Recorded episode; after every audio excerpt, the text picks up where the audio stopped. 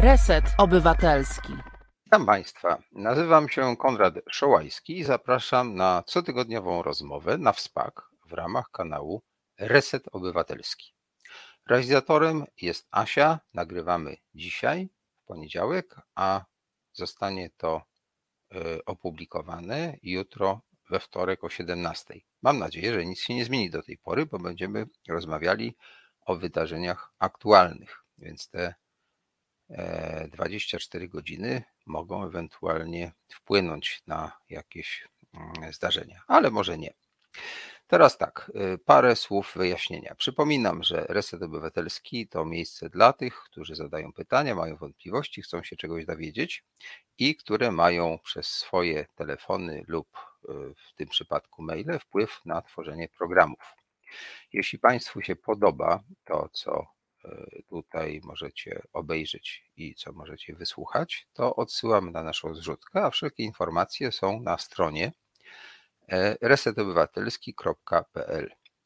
Tam jest wyjaśnione, jak można nas wspierać. Jeśli Państwo chcą, mogą wpłacać małe kwoty, mogą wpłacać i większe i zostawać sponsorami, producentami tego programu.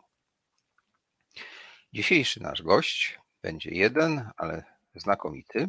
Mianowicie jest to e, doktor teologii, filozof, członek redakcji Więzi, autor książek Reformacja, Rewolucja, Lutra i Prześlona Wątpliwość i bardzo wielu publikacji, w szczególności w więzi, ale także w różnych innych periodykach. Sebastian Duda, zapraszam. Dzień dobry. Witam Cię, Sebastianie, i może zacznę od cytatu. Mhm.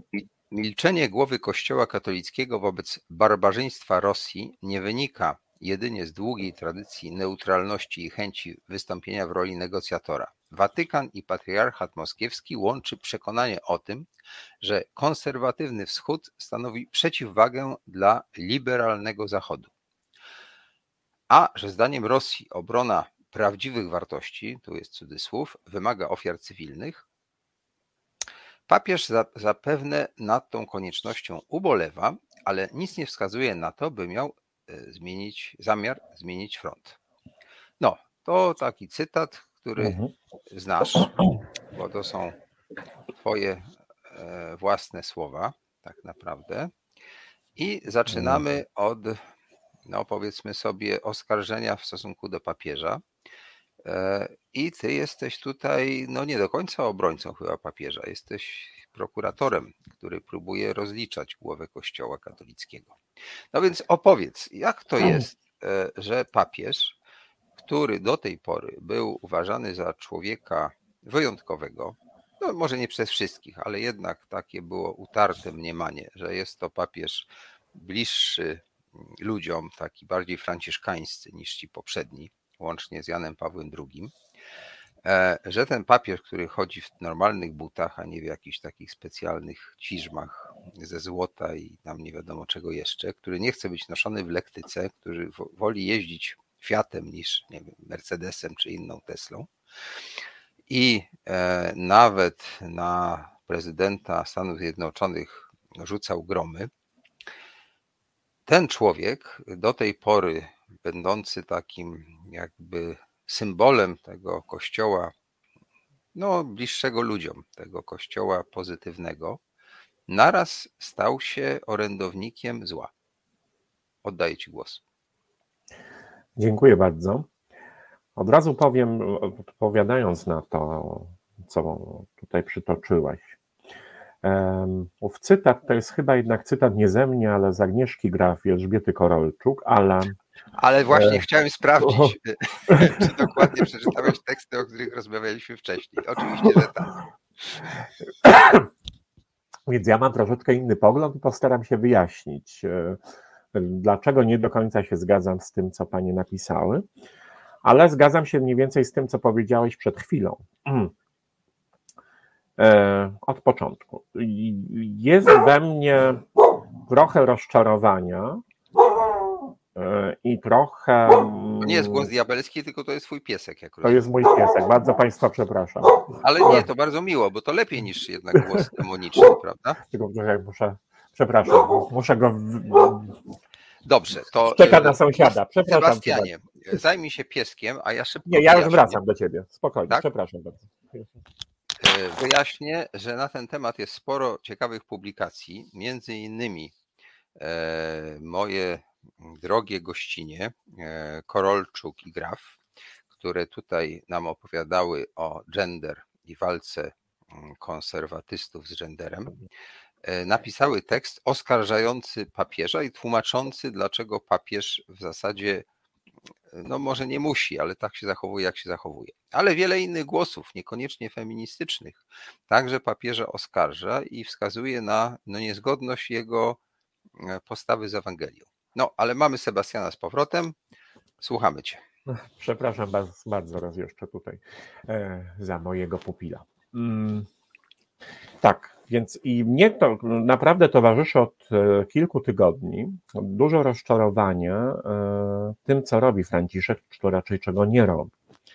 Przede wszystkim on, jak słusznie tutaj zauważyłeś, przyzwyczaił nas do gestów, które są dalekie, czy wydawały się dalekie od tej watykańskiej pompy. Nie chodzi tylko o buty i zmianę obuwia, prawda, co po Benedykcie XVI no, było takie mocno zauważalne, także to, że mieszka sobie w tym domu świętej Marty, a nie w Pałacu Apostolskim na Watykanie i mnóstwo innych takich rzeczy, ale przede wszystkim to, że potrafił na przykład wygarnąć Donaldowi Trumpowi, jak słusznie zauważyłeś, że nie może się nazywać chrześcijaninem ten, kto buduje mury dla imigrantów na granicy amerykańsko-meksykańskiej.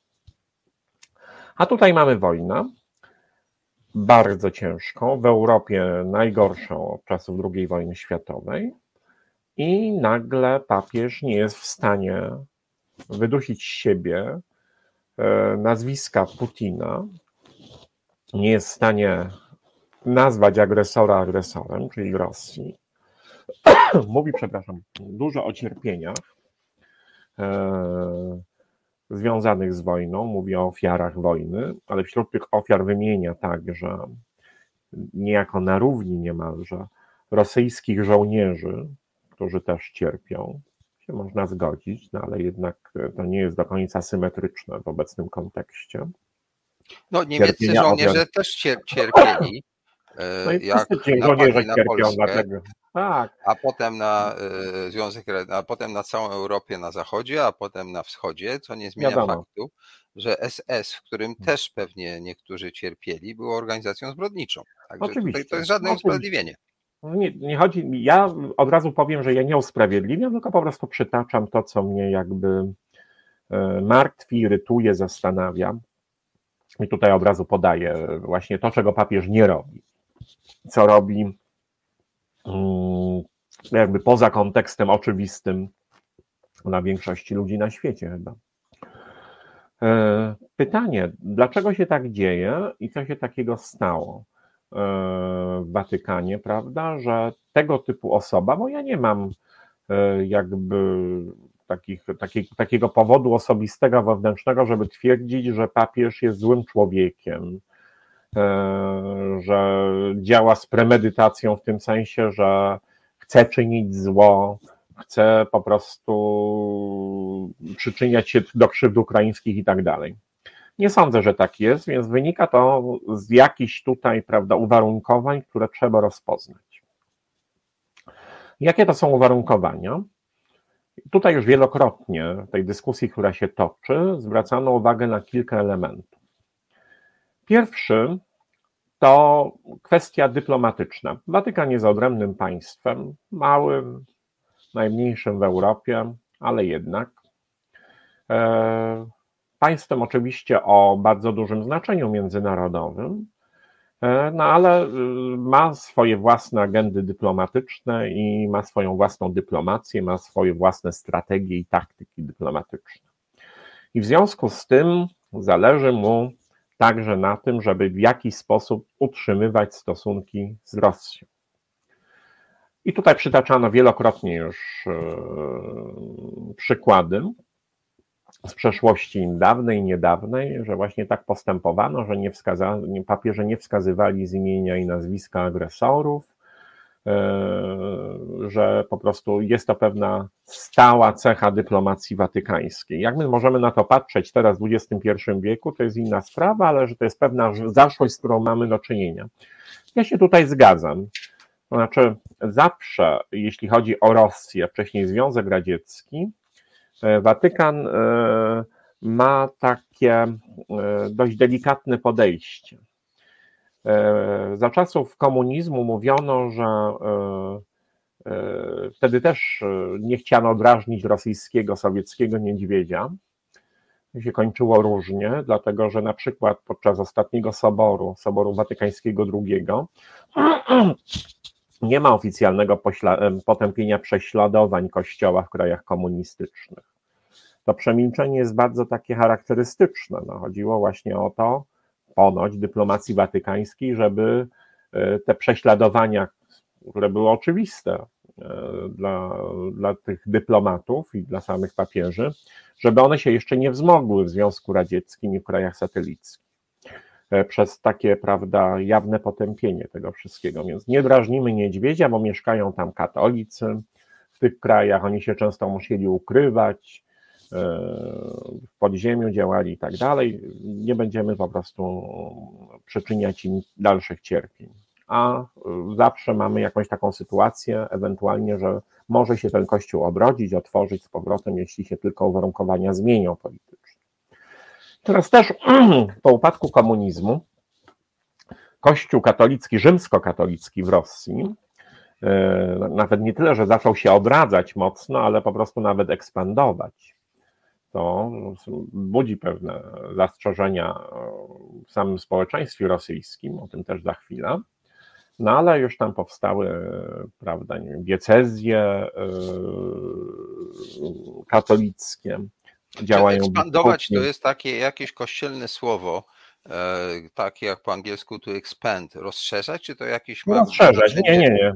Rozszerzać, dlatego że w czasach komunizmu naprawdę było bardzo mało kościołów. Były takie kościoły rzymskokatolickie dla dyplomatów w Moskwie, no ale gdzie indziej po prostu to wszystko było pozamykane. Było trochę katolików w Rosji, czy też potomków katolików, na przykład polskich zesłańców, tak, z powstania styczniowego. Oni gdzieś tam na Syberii mieli swoje parafie i kościoły, to wszystko oczywiście zniknęło, dlatego że po pierwsze no, było pozamykane, kościoły były tam pozmieniane co innego, na, na magazyny.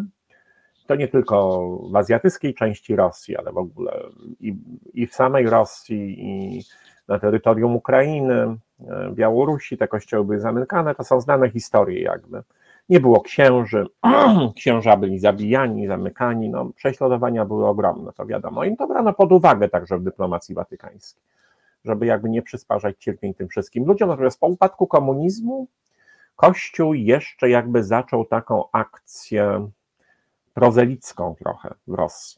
I to jest też ciekawe.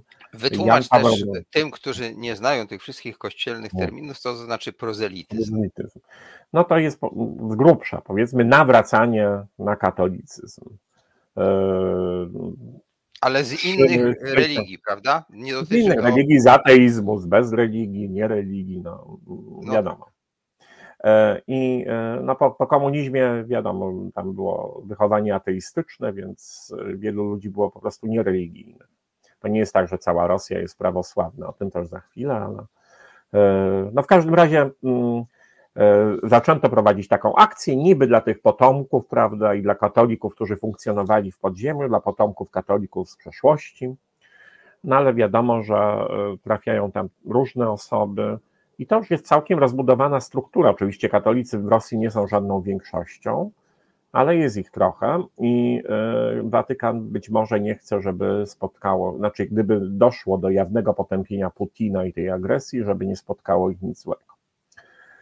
Druga sprawa jest taka, że mm, strategia dyplomatyczna do pewnego stopnia dotyczy także tak zwanego dialogu ekumenicznego. Dialog ekumeniczny e, to jest e, dialog prowadzony przez różne wyznania chrześcijańskie na świecie który ma na celu osiągnięcie jedności. Chrześcijaństwo jest podzielone, często od bardzo dawna, na różne kościoły, całe grupy takich kościołów, e, i w związku z tym od XX wieku bardzo intensywnie są podejmowane różne wysiłki, żeby, żeby doszło do jakiejś jedności chrześcijaństwa, żeby ją odnowić, że to jest po prostu dla chrześcijan skandal. Pytanie, jak to zrobić, dlatego że e, wszystkie te dominacje mają swoje zaszłości, swoje własne jakieś cele, swoje interesy, swoje tożsamości. To wydaje się nie do uzgodnienia. Katolicy na przykład twierdzą, że głową kościoła powinien być papież, a on ma władzę absolutną w kościele rzymskim, to znaczy i, i jurysdykcyjną, i polityczną, i każdą inną, na co inni oczywiście nie chcą się zgodzić. E, więc tego typu problemy ten dialog napotyka. On się tak toczy od kilkudziesięciu lat bardzo intensywnie, jak powiedziałem, ale w wielu przypadkach doszło już, no, doszliśmy w nim do ściany. Chrześcijanie doszli w nim do ściany, dlatego że e, no, spotykają się na jakichś konferencjach uczonych, jakichś nawet miłych spotkaniach, ale to są wszystko dość marginalne rzeczy. Czasami są wspólne modlitwy organizowane, to wszystko jest dość zrytualizowane, e, no ale nie widać postępów na tej drodze do jedności. Jest dużo jakby szczytnych haseł. Mówię tutaj dość ostro, bo dla wielu ludzi to jest e, bardzo takie delikatne i bardzo ważne. E, bardzo ważne zaangażowanie, bardzo ważna działalność, ale jednak no, skutki są jej dość ograniczone. Niemniej... To może ja wejdę w słowo, bo mhm. tutaj wystąpię może troszeczkę jako taki e, krytyk ekumenizmu, mówiąc mhm. bardzo delikatnie. Generalnie przez inne wyznania ekumenizm e, ten w wydaniu katolickim jest postrzegany jako po prostu próba przywrócenia władzy papieża która tak. została, mm, że tak powiem, ograniczona najpierw tą pierwszą schizmą, a potem drugą, tak? Pierwszą schizmą w XI wieku, a drugą w XVI. Znaczy to ograniczona. Papież nie miał władzy specjalnie nad e, Kościołem Wschodnim. Pierwsza schizma dotyczy, jak, jak Państwo wiedzą, właśnie ta XI-wieczna podziału chrześcijaństwa na wschodnie i zachodnie. On de facto funkcjonował już wcześniej. Znaczy biskupi Rzym, Rzym oczywiście mieli pretensje do prymatu i takie coraz bardziej rozwijano od IV wieku, było to bardzo takie mocne i takiego prymatu właśnie jurysdykcyjnego, takiej władzy nad innymi kościołami, ale szczerze mówiąc, no realnie to tej władzy nie mieli nad Konstantynopolem, Aleksandrią, prawda, czy Antiochią, czy innymi tam miejscami. Czyli ta Natomiast pierwsza schizma to było przypieczętowanie faktycznego stanu rzeczy, jak rozumiem. W dużym że... stopniu tak. Różnic kulturowych, różnic językowych. Na zachodzie używano łaciny, oczywiście na wschodzie greki. Trochę inne było funkcjonowanie kościoła w jednym i drugim, w jednej i drugiej przestrzeni. Rzym stary upadł, e, nie było cesarzy, wkroczyły ludy barbarzyńskie, nastąpił ogólny upadek cywilizacyjny podczas gdy Bizancjum rozwijało się świetnie, było bardzo taką kwitnącą cywilizacją, miało swoich cesarzy wspierających Kościół, bardzo często tych cesarzy uważano za głowę Kościoła. No, w ogóle mnóstwo tutaj było takich różnic, ale głównie strukturalno takich, mm, jak to powiedzieć, instytucjonalnych. Doktrynalnie prawosławie i katolicyzm są do tej pory bardzo sobie bliskie być może dużo bliższe na przykład niż katolicyzm e, protestantyzmowi, czy protestantyzm katolicyzmowi. Odwrotnie, czyli w przypadku tej drugiej schizmy, która nastąpiła po wystąpieniu Lutra w 1517 roku, e, te różnice się jakby pogłębiły bardzo wyraźnie. Natomiast jeśli chodzi o pewne rozumienie podstawowych dogmatów, sakramentów, e, doktryn teologicznych, no to prawosławie jest bliskie katolicyzmowi. W związku z tym Kościołowi Rzymskiemu zależy na tym, żeby prowadzić owocny dialog z tymże prawosławiem. Dlatego, że wydaje się, że skoro jest tak bliskie doktrynalny, no to ta jedność, która jest celem dialogu ekumenicznego, mogłaby być łatwiej osiągnięta niż w przypadku wyznań protestanckich. No tak, ale tutaj y, ja jako y, laik y, jednak chciałem dodać parę takich informacji, które mam w głowie. Że faktycznie ten kościół wschodni to nie jest ten, który był w Konstantynopolu i e, on się niejako przeniósł do Moskwy. Prawda? Tak. I w międzyczasie, e, tak jak Rzym upadł w V wieku, to w XI upadł Konstantynopol. I 15, w, jak... w 15, Konradzie, w 15, 15 upadł. tak, przepraszam, źle, źle powiedziałem. W 11 była schizma, w 15 był, był upadek, tak, oczywiście. No w każdym razie potem e, nastąpiło coś takiego, co jak rozumiem, przynajmniej dla części historyków i katolików jest tak, że no to jest do pewnego stopnia e, uzurpacja, ta, że ten, ten trzeci Rzym to się znalazł w Moskwie, prawda? E, bo no to nie jest dokładnie tak, jak, że tak powiem, było na początku. Przeciwnie, e, i ten Kościół prawosławny też jest podzielony, bo to też nie jest przecież jeden organizm Oczywiście. do końca. I nie ma swojego papiestwa. Tak, i ten patriarcha moskiewski trochę sobie, zdaje się, uzurpuje prawo kontroli nad innymi tymi prawosławnymi kościołami, ale tam jest cały szereg też różnych podziałów e, i e, wiąże się to bardzo mocno z władzą e, moskiewską, prawda? Że ten kościół prawosławny jest faktycznie od paruset lat instytucją, no taką powiedziałbym, kontrolowaną przez władze mhm. w Moskwie a bywało, że patriarcha był pracownikiem, zdaje się, służb e, rosyjskich po prostu, prawda? W randze mhm. pułkownika bodajże. Chyba aktualny nie, ale to też nie wiadomo. Aktualny był ponoć agentem KGB. Na, no, nawet też, a, no, tak, ale tak, nie, nie był oficerem kadrowym, zdaje się. Tak a, tym, no my o tym możemy wiedzieć, to jest inna sprawa, jak wiesz. Natomiast e, tak, tu masz oczywiście rację z tym, że od razu dodam tak, no bo żeby tak wyjaśnić, pierwszy Rzym, no to jest stary Rzym, on upadł, prawda, wraz z upadkiem pierwszego cesarstwa i tam sobie władzę uzurpują papieże, zdaniem prawosławnych. Drugi Rzym to Konstantynopol, który upadł pod najazdem tureckim w XV wieku. wieku. I właśnie od koniec tegoż XV wieku pojawia się koncepcja, że jest trzeci Rzym, który i politycznie, i duchowo będzie tym najlepszym teraz po upadku dwóch pierwszych, i tutaj mamy właśnie Moskwę. No to była uzurpacja, dlatego że państwo moskiewskie, no to nie było specjalnie hmm, do pewnego momentu. Teraz się pojawiły memy przy okazji wojny, takie w internecie, może państwo widzieli, e, na temat e, tego, co było w Moskwie na przykład w XII wieku a to było w X wieku, kiedy Kijów rozkwitał na przykład jako chrześcijańskie miasto po chrzcie Włodzimierza Wielkiego pod koniec X wieku. Tam powstawały kolejne sobory, kolejne monastyry i tak dalej, a w Moskwie, czy na terenie, znaczy na miejscu, gdzie później powstała Moskwa, była głucha puszcza przez długie wieki. I niedźwiedzie sobie maszerowały. I tak sobie coś tam maszerowało właśnie, ale na pewno nie było to prawosławie. Więc to rzeczywiście jest taka uzurpacja, natomiast y, Moskwa się poczuła spad kobierczynią e, Rusi Kijowskiej, tej tradycji, właśnie Włodzimierza Wielkiego, jego chrztu 988 roku, który nastąpił najpewniej niedaleko Hersonia, który jest znany państwu teraz w tych warunkach wojennych. I właśnie tak Ruś Kijowska przyjęła chrześcijaństwo z Bizancją, w tej wersji wschodniej, greckiej. No to miało olbrzymie reperkusje oczywiście dla, dla tych obszarów. I było to bardzo takie rozwinięte cywilizacyjnie państwo, no ale zostało zmiażdżone przez Mongołów w XII i XIII wieku.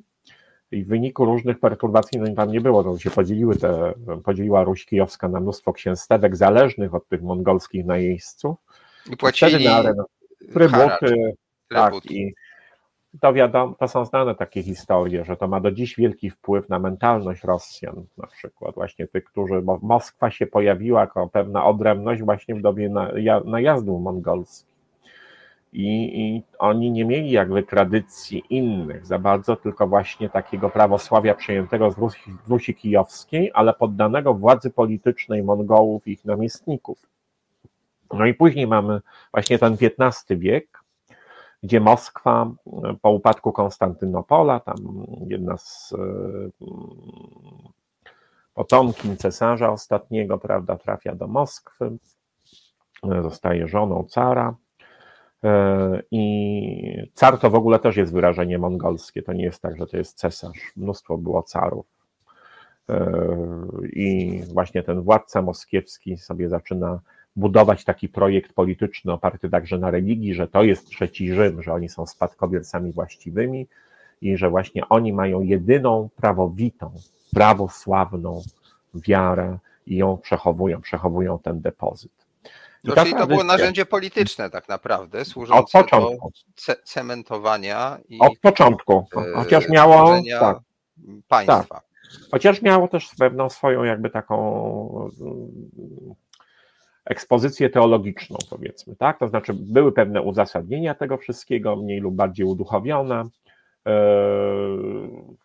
I po prostu tak mm, przedstawiano w każdym razie tę Ruś moskiewską, jeszcze państwo moskiewskie, jako taką oazę, w której przetrwało tradycyjne, tradycyjna, słuszna wiara, tak? słuszna wiara, prawosławna wiara, w odróżnieniu od pierwszego Rzymu, który był schizmatycki i heretycki dla tych ludzi, drugiego Rzymu, który upadł pod nawałą turecką, no to mamy teraz ten trzeci Rzym. I to jest ważne, dlatego że niezależnie od tego, co się myśli e, o tego typu rozumowaniach, e, cerkiew moskiewska do tej pory jest największym kościołem prawosławnym na świecie. Patriarchat konstantynopolitański oczywiście istnieje, no ale na przedmieściach Stambułu, bo przecież nie w głównej świątyni e, stambulskiej, czyli konstantynopolitańskiej, zbudowanej przez Justyniana, czyli w świątyni Mądrości Bożej w Hagia Sofii, bo to jest, do niedawna było muzeum. Ataturk, e, znaczy po ataku, po zdobyciu Konstantynopola w XV wieku, Turcy zamienili tę główną, wspaniałą świątynię chrześcijańską, właściwie największą świątynię chrześcijańskiego świata, na meczet. E, po I wojnie światowej, e, gdy Turcja została sekularyzowana przez Ataturka, zamieniono ów meczet na muzeum, ale w ostatnim czasie znów to jest meczet, prawda. Erdoğan, prawda, i, i to załatwił, więc E, no mamy taki, mamy wspólnotę prawosławną w Stambule, gdzieś na przedmieściach ten patriarcha funkcjonuje, ale to jest kilkadziesiąt tysięcy ludzi, a nie no, dziesiątki milionów, jeśli nie ponad sto nawet. Nie wszyscy w Rosji są wierzący, nie wszyscy są praktykującymi prawosławnymi, oczywiście, no ale jednak jest to dominujące wyznanie chrześcijańskie na tym obszarze. I to jest największy kościół prawosławny na świecie. Teraz już po takiej długiej dygresji historyczno-prawda, kulturowej na ten temat, wracamy do Watykanu, który prowadzi dialog ekumeniczny z prawosławiem. I oczywiście, że prowadzi go także z patriarchą Konstantynopola, który jest takim, taką, takim symbolem jakby prawosławnego świata, tak? jego duchowym przywódcą, ale nie ma specjalnie e, rządu dusz, nie sprawuje rządu dusz. E, tak jak patriarcha moskiewski, który, który właśnie ma całkiem sporo wiernych. Co więcej, całkiem sporo tych wiernych, bo do niedawna przynajmniej około 40% parafii e, cerkwi moskiewskiej znajdowało się na terytorium Ukrainy. To była cerkiew, cerkiew patriarchatu moskiewskiego, cerkiew prawosławna patriarchatu moskiewskiego, w tym bardzo słynne miejsca e, na Ukrainie, na przykład ławry, czyli takie monastyry. Ławra Pieczerska, tak? Ławra Pieczerska w Kijowie, ale tutaj bliżej nas Ławra Poczajowska na Wołyniu, to też była jurysdykcja moskiewska, to jest jurysdykcja moskiewska. Więc to są takie, nie wiem jak to dobrze, z czym to dobrze porównać, takie prawosławne Częstochowy, miejsca pielgrzymek, miejsca kultu takiego, miejsca duchowej, duchowej kultury bardzo takiej rozwiniętej i właśnie te, te, tego typu miejsca są na terytorium Ukrainy, mimo że pod jurysdykcją patriarchatu moskiewskiego. No w każdym razie, jak Watykan chce prowadzić dialog ekumeniczny z prawosławiem, no to nie może go prowadzić tylko z Konstantynopolem. I tutaj jest takie przedzałożenie e, watykańskich urzędników, że trzeba go prowadzić z cerkwią moskiewską także. Więc mamy jedno, te zabiegi dyplomatyczno-polityczne, dlatego, żeby nie drażnimy rosyjskiego niedźwiedzia, ale nie, nie drażnimy także rosyjskiego patriarchatu, z którym prowadzimy taki dialog, bo patriarchat moskiewski jest bardzo rozdrażniony przez Watykan w ostatnich dekadach. Właśnie dlatego, że nastąpiła ta ekspansja instytucjonalna Kościoła Rzymskiego na terytorium Rosji, a e, prawosławni intelektualiści księża uważają, że to jest bez sensu, dlatego że to jest właśnie taki prozelityzm katolicki na obszarze, który jest prawosławny, tak zwane terytorium kanoniczne, które należy prawda, do prawosławnych, powinni tam być tylko prawosławni i w ogóle po co tam Kościół rzymski wkracza ze swoimi instytucjami, jeszcze je rozwija i tak dalej. To żaden dialog, tylko, tylko właśnie niewłaściwe ekspansje.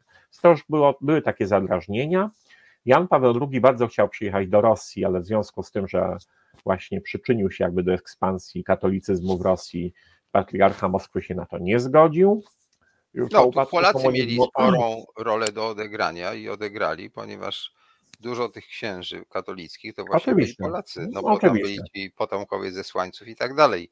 Język polski był tym językiem, który tam chyba nawet tak. dominował. Tak, w liturgii bardzo często tak, e, używano polskiego zamiast rosyjskiego, to się trochę tam zmieniło w ostatnich latach, no ale, ale rzeczywiście tak było, jak mówisz. A, a to w Rosji nigdy nie jest dobrze przejmowane, dlatego że Rosjanie mają swoją pamięć historyczną i ta pamięć dotyczy takich faktów, które my często wypieramy. Na przykład tego, co się działo w czasie Wielkiej Smuty w Moskwie, kiedy Polacy siedzieli na Kremlu gdzie polscy jezuici bardzo się przyczyniali do tego, bo chcieli jakby właśnie zagarnąć prawosławie moskiewskie i e, przyłączyć je, znaczy przyłączyć je, żeby sprawić, żeby uznało prymat papieski.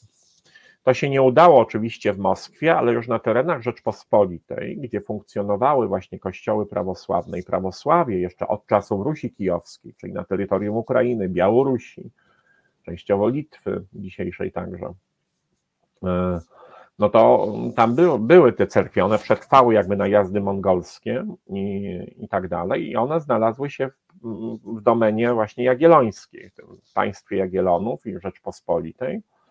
No ale jak wiadomo w 1596 roku Zygmunt III Waza e, pod namową jezuitów dokonał, znaczy sfinalizował Unię Brzeską taką, tak, to znaczy e, prawosławni biskupi z małymi wyjątkami uznali prymat e, biskupa Rzymu. I to samo chciał zrobić z Moskwą. I to jest pamiętane, to jest jakby część e, takiej tradycji rosyjskiej, że Polacy i jezuici wkraczają i chcą nam zabrać niepodległość, chcą nam zabrać prawdziwą religię swoimi knowaniami. Cała literatura na ten temat. Jest Borys Godunow, Puszkina, prawda, i i, i opery, i filmy, i, i, co chcemy. Na ten temat Polacy się bardzo źle kojarzą z tego okresu Wielkiej Smuty i Dymitriat. No Dymit, samozwaniec, jeden, drugi. To jest taka historia, która w Polsce niespecjalnie jest popularna, ale która w Rosji jest czymś bardzo ważnym, jako fakt historyczny.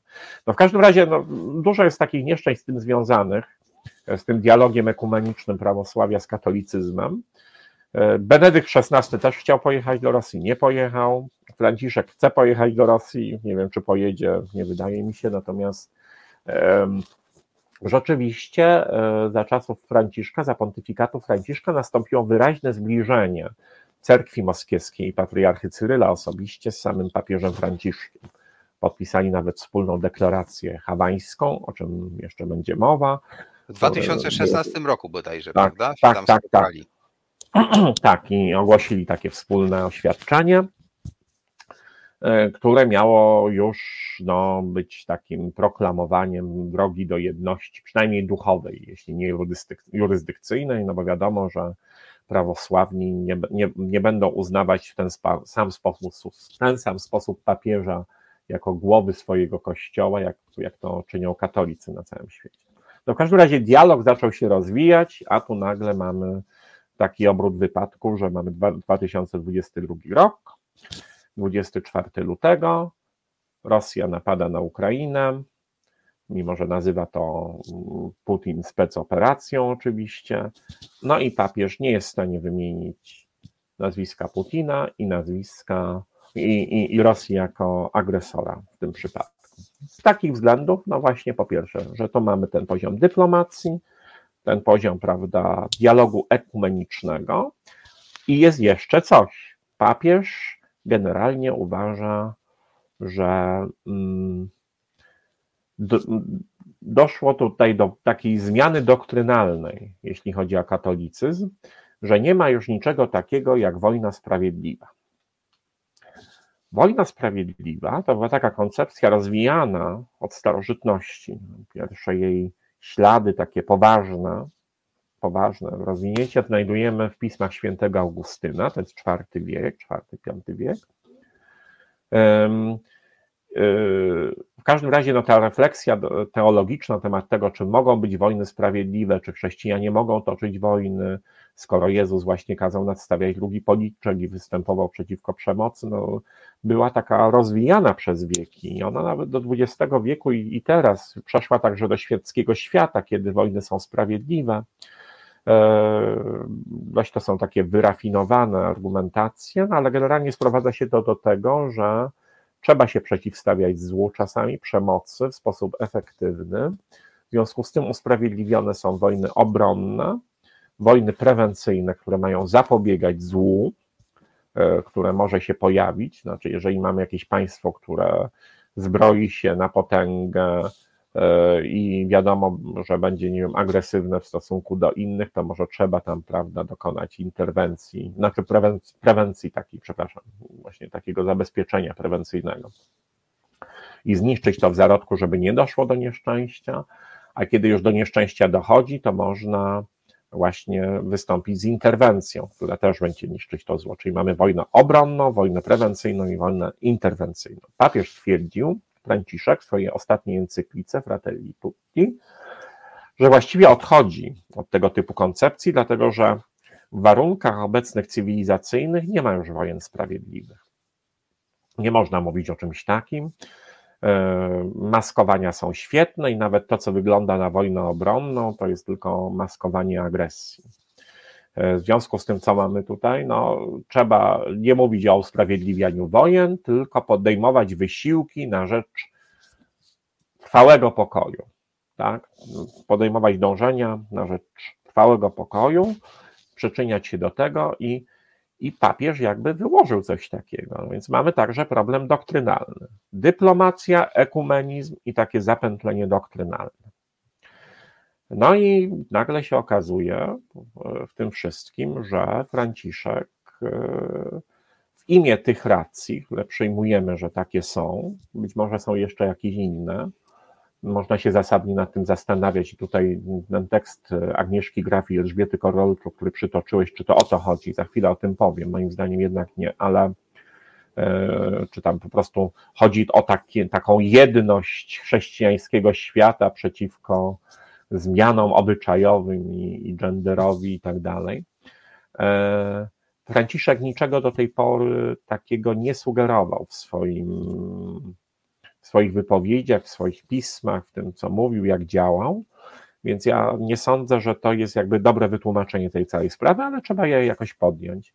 Jest niewątpliwie ta kwestia dyplomacji, kwestia ekumenizmu i tego zapętlenia doktrynalnego, o którym powiedziałem, odgrywa dużą rolę E, w, ty, w, ty, w tej jego reakcji, czy w tym braku reakcji na to, co się dzieje teraz w tej wojnie Rosji przeciwko Ukrainie.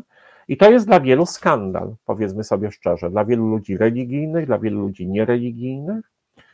E, I się toczy taki spór, mogę tutaj trochę o tym opowiedzieć, w środowiskach katolickich. Niektórzy papieża bardzo bronią, uważają, że postępuje ewangelicznie, że właśnie że występując przeciwko przemocy spełnia kryteria ewangeliczne, ale są tacy, którzy uważają, że to jest,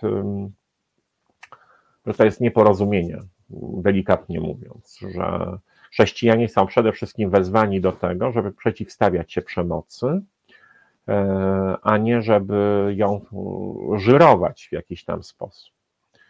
E, i że papieża dotąd było stać na bardzo takie poważne gesty prorockie, jak choćby z tym pouczaniem Trumpa, że nie może być chrześcijaninem ten, kto stawia mury dla imigrantów, a teraz jakoś go nie stać, właśnie na taki gest prorocki w odniesieniu do, do Putina. Sprawa jest oczywiście zawiła trochę ze względów tych ewangelicznych, dlatego że można się zastanawiać właśnie, co jest prawdziwą postawą ewangeliczną ale y, to raczej jest skierowane do Ukraińców. No, czy mają się bronić, czy ręce do góry, prawda, i poddawać się gwałtom rosyjskim, czy jednak nie chronić swoich niewinnych, są niewinnymi ofiarami. Wiemy, co się dzieje z kobietami, dziećmi w tym momencie podczas tej wojny, to są straszne sprawy. I czy mają pozwolić na wyginięcie własnego narodu w imię takiego w takich racji ewangelicznych. Niektórzy uważają, że to, to właśnie coś takiego byłoby konsekwentne, jeśli chodzi o stosowanie Ewangelii, tego typu pacyfizm. Ja i wielu innych ludzi uważa, że to jest jednak sytuacja dość niezdrowa, takie tłumaczenia, i że jednak jesteśmy wezwani jako chrześcijanie do tego, żeby przeciwstawiać się przemocy, e, z którą ktoś występuje względem niewinnych ludzi. Że trzeba te przemoc powstrzymywać, a przede wszystkim nazywać ją po imieniu.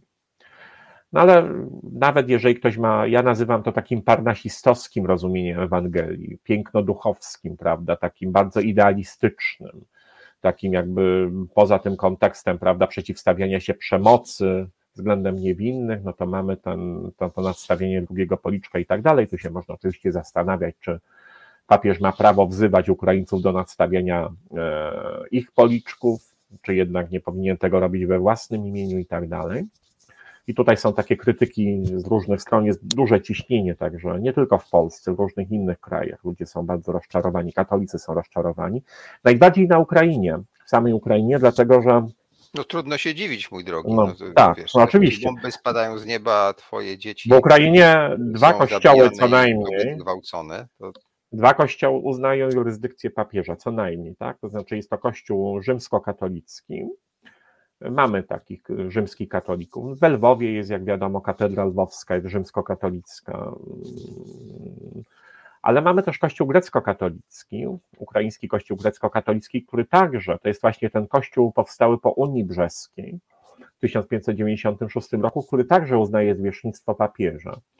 Ja się kontaktując z moimi przyjaciółmi E, Ukraińcami, którzy tam zostali, którzy są katolikami, grekokatolikami, no to e, nieustannie słyszę od nich o ich rozczarowaniu i, i takim. Hmm. Ale w najlepszym przypadku to jest pewna konfuzja, ale oni odczuwają duży gniew także na papieża, na tego typu, prawda, kunktatorstwo, tę powolność taką, no nawet nie powolność, bo wydaje się, że w tym momencie akurat y, papież nie chce dalej w ogóle w czymś niczym występować, ogłosił to w argentyńskiej gazecie, że do Kijowa nie pojedzie i nie wykona żadnego takiego florackiego gestu. Dla mnie jednak, no już pomijając te wszystkie uwarunkowania, skandalem jest to, że e, Władimir Putin mm, parę tygodni temu zorganizował taki spęd na stadionie na Łużnikach w Moskwie. Uczestniczyły dziesiątki tysięcy ludzi, czy spędzonych, czy niespędzonych, tam własnej woli przyszli, czy nie. Tutaj też, jak, jak Państwo wiedzą, nie mamy takiej pewności, jakie są nastroje Rosjan. Wielu na pewno popiera to, co Putin robi. Ale Putin na tym stadionie, tam jakiś był koncert, jakieś tam rosyjskie, rosyjskie dziewoje tańczyły i śpiewały, ubrane jakieś tradycyjne tam stroje ludowe. Więc on mówi, że specoperacja jest ważna, ratujemy naszych braci i zacytował zdanie z Ewangelii Świętego Jana, nie ma, nie, nie ma większej miłości nad tę, gdy ktoś życie oddaje za przyjaciół swoich. To jest jedno z najważniejszych zdań w Ewangelii, jedno z takich naprawdę, e, to jest jeden z fundamentów chrześcijaństwa, takiej chrześcijańskiej postawy. A tutaj wypowiada je Putin po to, żeby uzasadnić właśnie wysyłanie tych żołnierzy, którzy robią to, o czym powiedziałeś, tak, no wiemy. Zabijają, gwałcą, mordują, prawda, występują z przemocą i właśnie podpina się pod Ewangelię. E, patriarcha Moskwy, Cyryl, wspiera te działania Putina, wspiera działania rosyjskich żołnierzy, uważa, że mm, są one słuszne z dwóch powodów głównych. Po pierwsze, dlatego, że to jest terytorium kanoniczne jego cerkwi, jego patriarchatu, ta cała Ukraina, że on tam ma, nie tylko, że ma swoich, prawda, nie wiem, wiernych, że uznają jego zwierzchnictwo, ale że właśnie to jest kolebka świętej Rusi, że tam chrztu dokonał Włodzimierz Wielki, a on jest dziedzicem, prawda, tegoż właśnie chrztu, jest głową kościoła, który z tego chrztu się wywodzi i w związku z tym y, to jest jego terytorium i nie ma co oddawać tego terytorium nikomu, już na pewno niezgniłemu Zachodowi. I tutaj rzeczywiście w takiej propagandzie rosyjskiej, także propagandzie prawosławnej, bo to się słyszy e, w cerkwiach prawosławnych, są takie kazania krążące po internecie, one naprawdę mrożą krew brzyła. Jest takie określenie nie tylko zgniły Zachód, ale gej Europa, tak, gejowska Europa, że przeciwstawia się tutaj patriarcha tej zgniliźnie moralnej i obyczajowej, że trzeba to po prostu wszystko stłumić w zarodku, inaczej Ukraina, czyli jego terytorium kanoniczne, święty świat prawosławny, e, ruski mir, ruski świat, ruski pokój, prawda, znajdą się w obrębie tego zgniłego zachodu, stracimy jej, to będzie, to jest po prostu straszliwe przestępstwo dla patriarchy, dlatego e, żyruje działania Putina. No ale co na to papież? Papież po pierwsze nie reaguje, na te bluźniercze z perspektywy chrześcijańskiej cytowanie Ewangelii, ja, ja uważam, to jest po prostu bluźnierstwo. To jest coś absolutnie okropnego. I kto, jeśli nie głowa największego chrześcijańskiego kościoła na świecie, ma to powiedzieć, tak? Facet, który, nie wiem, Trumpowi mówił, prawda, o tym murze, nie jest w stanie powiedzieć Putinowi, że e, to jest przeraźliwie fałszywe, okropne, posługiwanie się Ewangelią. Tego papież nie mówi. Co więcej, organizuje sobie telemos z patriarchą Moskwy i dalej prowadzi z nim dialog, się wymieniają opiniami na temat tego, że są pasterzami ludu Bożego e, i rzeczywiście no, e, są cierpiącym ludem, prawda, swoim i tak dalej. I później pojawia się kuriozalny mm, kuriozalny komunikat Watykanu, jeden z najbardziej kuriozalnych komunikatów watykańskich w ostatnich dekadach, że właśnie papież sobie porozmawiał z patriarchą Cyrylem, w atmosferze zrozumienia, przyjaźni i dążenia do pokoju. Dążenia do pokoju to jest po prostu coś, co jest jakiś, jakimś absurdem.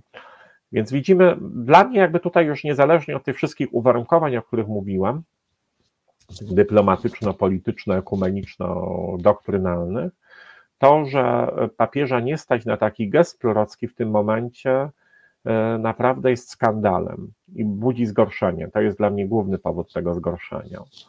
I jest pytanie, dlaczego się tak dzieje? Tak? Czy to tylko, jak powiedziałem, nie bardzo wierzę w to, że papież jest złym człowiekiem, tylko że jakoś nie jest w stanie uznać e, tych racji, które kazały mu wykonać tego typu gest prorocki przeciw, kierowany przeciw działalności Putina i, e, i patriarchy Moskwy.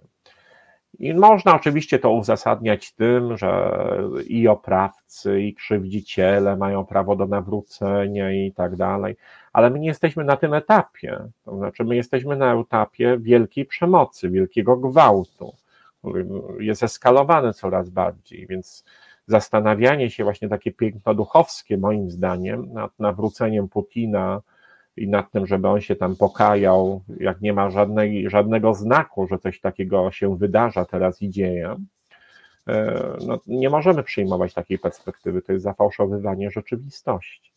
Jednym słowem, papież widzi jakieś iluzoryczne dobro tam, gdzie go nie ma i w imię tego iluzorycznego dobra postępuje e, w ten sposób, żyrując de facto poczynania e, Putina i patriarchy Moskwy.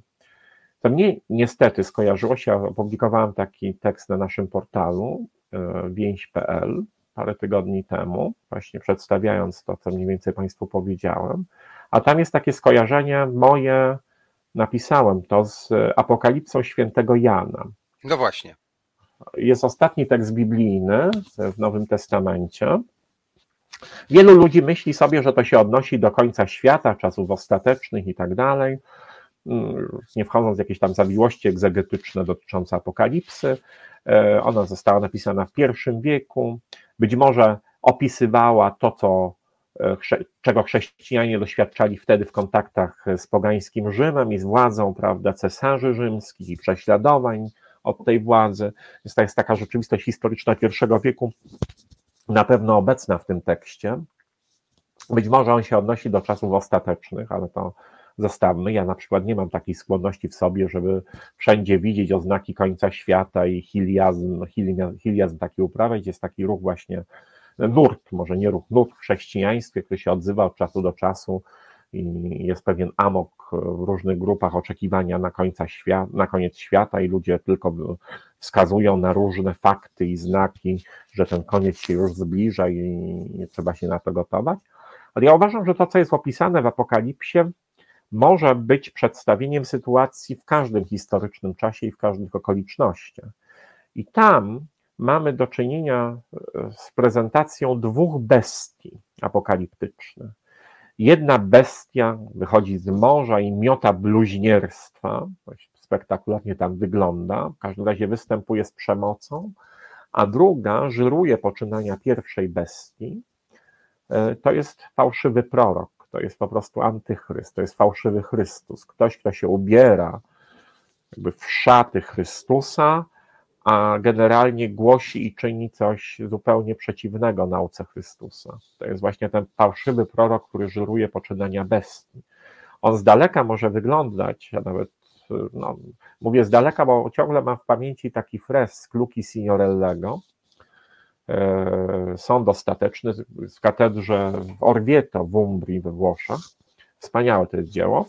W każdym razie tam też mamy takie pojawienie się fałszywego proroka, antychrysta, jako przedstawienia. I on z daleka wygląda, jakby to był zupełnie Chrystus, taki typowy Chrystus, reprezentacja Chrystusa typowa, takie przedstawienie typowe Chrystusa. A jak się podejdzie do niego bliżej, to dopiero widać, że ta twarz jest szpetna i wykrzywiona w jakimś takim okropnym grymasie. A tego z daleka nie widać. Z daleka on jest po prostu Chrystusem i właśnie za nim idą tłumy. Więc coś takiego mamy, taką sytuację apokaliptyczną, więc ja się zacząłem zastanawiać, czy ona właśnie się tutaj nie odzywa po raz kolejny w historii, że mamy faceta, Putina, który się powołuje na Ewangelię w taki bluźnierczy sposób, występuje z przemocą, mamy patriarchę, prawda, moskiewskiego, który uważa, że to jest bardzo dobrze, że tak się właśnie dzieje. Oczywiście patriarcha nie używa takiego terminu jak święta wojna, bo to Rosja nie toczy wojen, nawet świętych, no ale e, jak wiadomo, chrześcijanie w ciągu wieków toczyli różne święte wojny, to było uzasadnienie dla przemocy, e, której sami się dopuszczali. Ja uważam, że to było skrajnie nieewangeliczne oczywiście, no ale toczyli wojny agresywne. To jest rodzaj takiej świętej wojny, aczkolwiek, nie wiem, patriarcha sobie pewnie myśli, że to jest wojna sprawiedliwa, bo to jest wojna, która broni Rosji przed zgniłym Zachodem, która interweniuje w Ukrainie, która jest interwencją w Ukrainie, po to, żeby ochronić prawda, terytorium kanoniczne przed zgniłym Zachodem, y, która jest także wojną prewencyjną, żeby ten zgniły Zachód nie poszedł gdzieś dalej z Ukrainy, tak, gdzie, gdzie się już zdążył wessać prawda, na Moskwę i, i, i Wielką Ruś. Więc patriarcha może mieć tego typu mentalność, no ale to jest właśnie e, to jest jakiś taki fałszywy Chrystus, fałszywy prorok dla mnie. No jest pytanie, kim jest Franciszek w tym wszystkim? Czy on żyruje poczytania tych dwóch bestii w ten sposób i sobie zupełnie z tego nie zdaje sprawy? Bo właśnie działa w imię dobra ekumenizmu, w imię dobra dyplomacji, w imię dobra katolików w Rosji, w imię dobra czegoś tam jeszcze innego. To są wszystko iluzoryczne dobra i nie potrafi dostrzec po prostu zła czy też po prostu postępuje po parnasistowsku, piękno-duchowski sposób, że myśli, ma na uwadze nieustannie teraz przede wszystkim nawrócenie Putina, prawda, ewentualnie, nie wiem, jakiś taki dobrostan chrześcijański, rosyjskich żołnierzy cierpiących i tak dalej. Czy, czy jeszcze właśnie inne rzeczy, które tutaj przytoczyłem. Uważam jednak, że ostatecznie takim metapoziomem dla tych wszystkich okoliczności, jeśli chodzi o Rzym, Watykan i samego papieża Franciszka, jest metapoziom i to jest ten, ten metapoziom to jest zapaść klerykalnego systemu kościelnego, którą mamy do czynienia coraz wyraźniej. Tomasz Polak i nasza rozmowa dotycząca jego tak. książki na ten temat. Tak, Ale tak. mów dalej, bo nie wszyscy może słuchali wtedy tej rozmowy. To, co się ujawniło teraz jako perwersja systemowa katolicyzmu, zdaniem Tomasza Polaka to jest w ogóle perwersja systemowa chrześcijaństwa. Tak? To znaczy, chrześcijaństwo od początku generuje przemoc ze względu na to, co głosi, w jaki sposób postępuje, jak organizuje swoją władzę. I tak dalej, wszystko jedno w jakiej denominacji chrześcijańskiej. To nie chodzi tylko o Kościół rzymski czy o prawosławie, to występuje wszędzie, zdaniem Tomasza Polaka. E, u protestantów takich najgorliwszych i takich najbardziej pokojowych także. Ale... To znaczy wszędzie tam, gdzie powstaje struktura.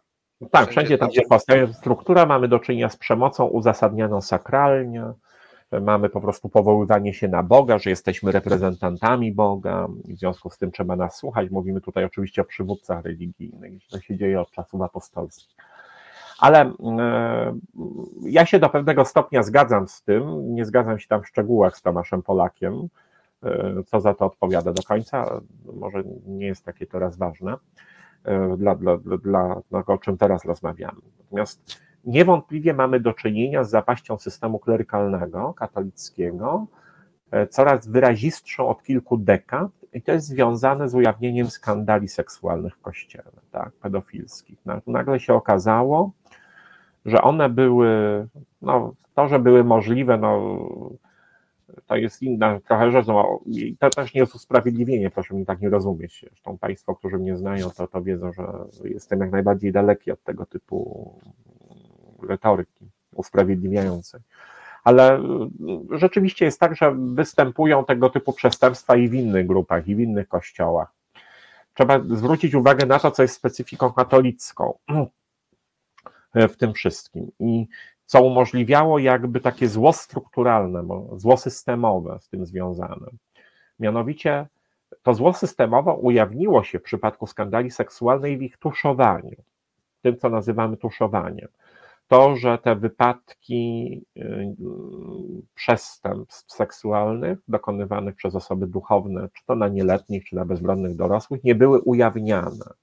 Że takich duchownych Y, przenoszono po prostu na inne parafie, w inne tam miejsca, że nie podejmowano działań prawnych i karnych przeciwko nim, że nie zadośćuczyniano ofiarom, że te ofiary wiktymizowano, że no, cały ten aparat puszowania jakby doskonale znamy już w tym momencie i, i wiemy na czym to polegało. Ale ujawnił, skąd się to wszystko brało? Tutaj taka podstawowa rzecz, niezależnie od tych strukturalnych, instytucjonalnych y, uwarunkowań, są ważne oczywiście w tej feudalnej strukturze Kościoła rzymskiego, ale feudalną strukturę ma także prawosławie y, niektóre inne kościoły. Ujawniło się coś, co jak było, jakby było takim fundamentem tego zła to była teologiczna wizja kapłaństwa urzędowego, która powstała w obecnej wersji w katolicyzmie w dojrzałym średniowieczu, właśnie mniej więcej w XI wieku, w czasach reform gregoriańskich Grzegorza VII. Była to e,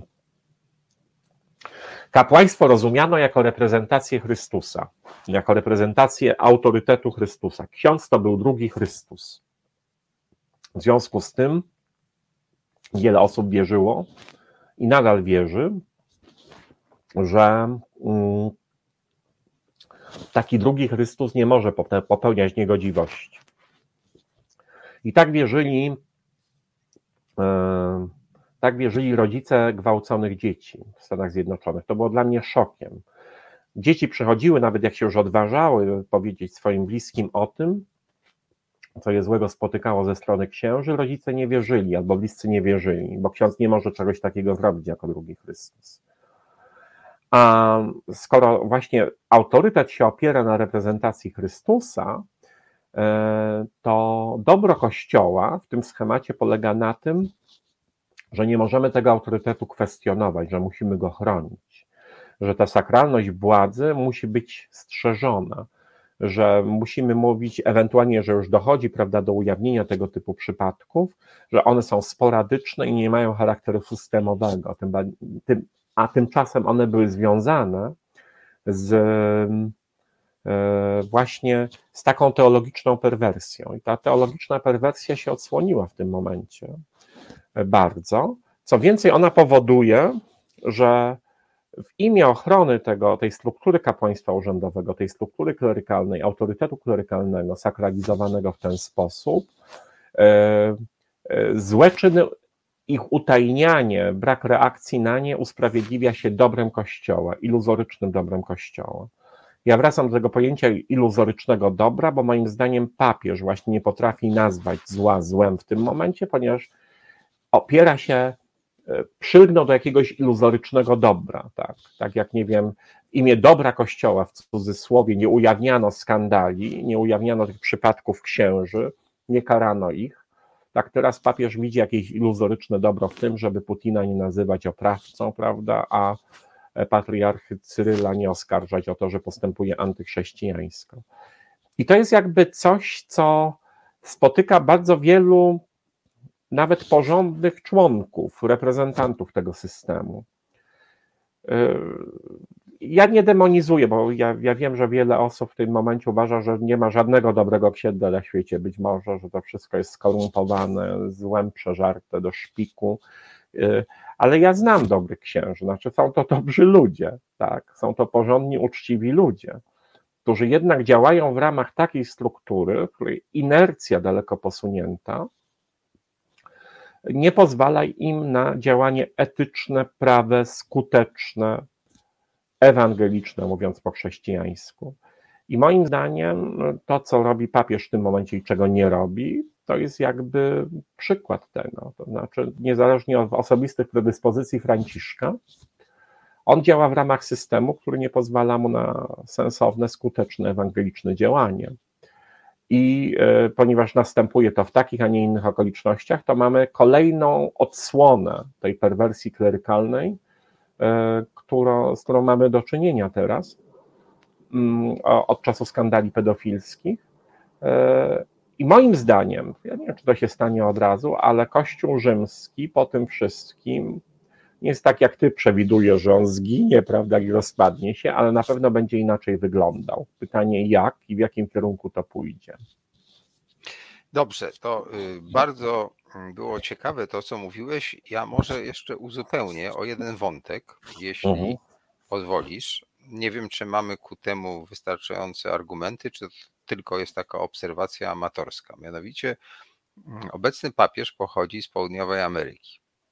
Południowa Ameryka e, no, rozmaicie była traktowana przez Stany Zjednoczone, przez Waszyngton, ale często to było takie terytorium wpływów e, amerykańskich i jest na ten temat sporo literatury, sporo filmów pokazujących, co złego tam Amerykanie robili. I dla ludzi z tamtego regionu bardzo często Mm, Amerykanin, ten właśnie, który dla nas jest rycerzem demokracji i obrońcą, czy w ogóle przedstawicielem tego dobrego zachodu, wzorca demokracji, to tam był takim, e, no powiedziałbym, agentem e, CIA sprzyjającym rozmaitym mhm. huntom i sprzyjającym no, nieprawości, mówiąc wprost. I czy ja nie usprawiedliwiam, absolutnie tutaj patrząc na Franciszka mam takie poczucie jakiegoś potwornego, no. nie wiem, zdziwienie to jest mało powiedziane, to jest potworne rozczarowanie, bo robił wrażenie rzeczywiście człowieka, który więcej rozumie, ale być może to amerykańskie dziedzictwo powoduje, że jego pewna taka niechęć do Stanów Zjednoczonych i to, że na przykład tego Trumpa tak potępiał, bierze się właśnie z ich e, no, historii. Trochę tak jak w Polsce, my wiemy, że ze wschodu szła często zaraza, czy zawsze, a z zachodu też nas spotykały niemiłe rzeczy. I gdzieś ta polska ksenofobia, która dzisiaj czasem się odradza niestety, ma swoje źródła w historycznych zaszłościach. I czy to mhm. nie jest tak? I po drugie, y, Franciszek jest człowiekiem bardzo starym. E, mhm. I cała koncepcja papiestwa, y, poza Benedyktem, który poszedł na emeryturę jako taki dosyć wyjątkowy papież, e, zasadzała się na takim przekonaniu, że ten papież to do śmierci będzie papieżem. Tak? Być może po prostu Franciszek już no, cierpi na, powiedziałbym, dolegliwości wieku starczego i nie kontaktuje, mówiąc wprost. Co myślisz na temat tego wątku amerykańskiego i tej takiej demencji papieża? Na wątku amerykańskiego to bardzo ciekawe, że, że go tutaj podsuwasz.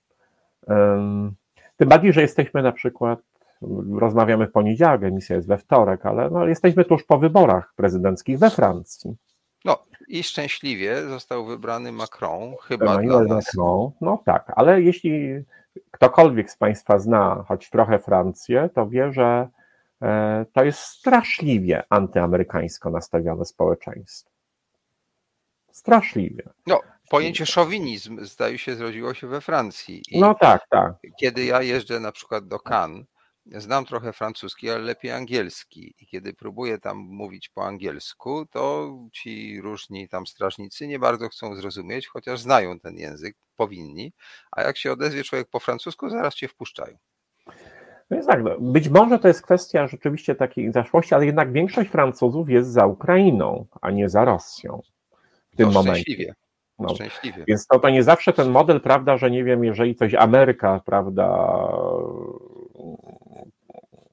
czegoś broni, czy nad czymś tam panuje, czy czymś włada, czy proponuje jakieś działania, no to nie zawsze jest jednak, jak widać, krytykowany we Francji, jeżeli dochodzi do ewidentnego zła.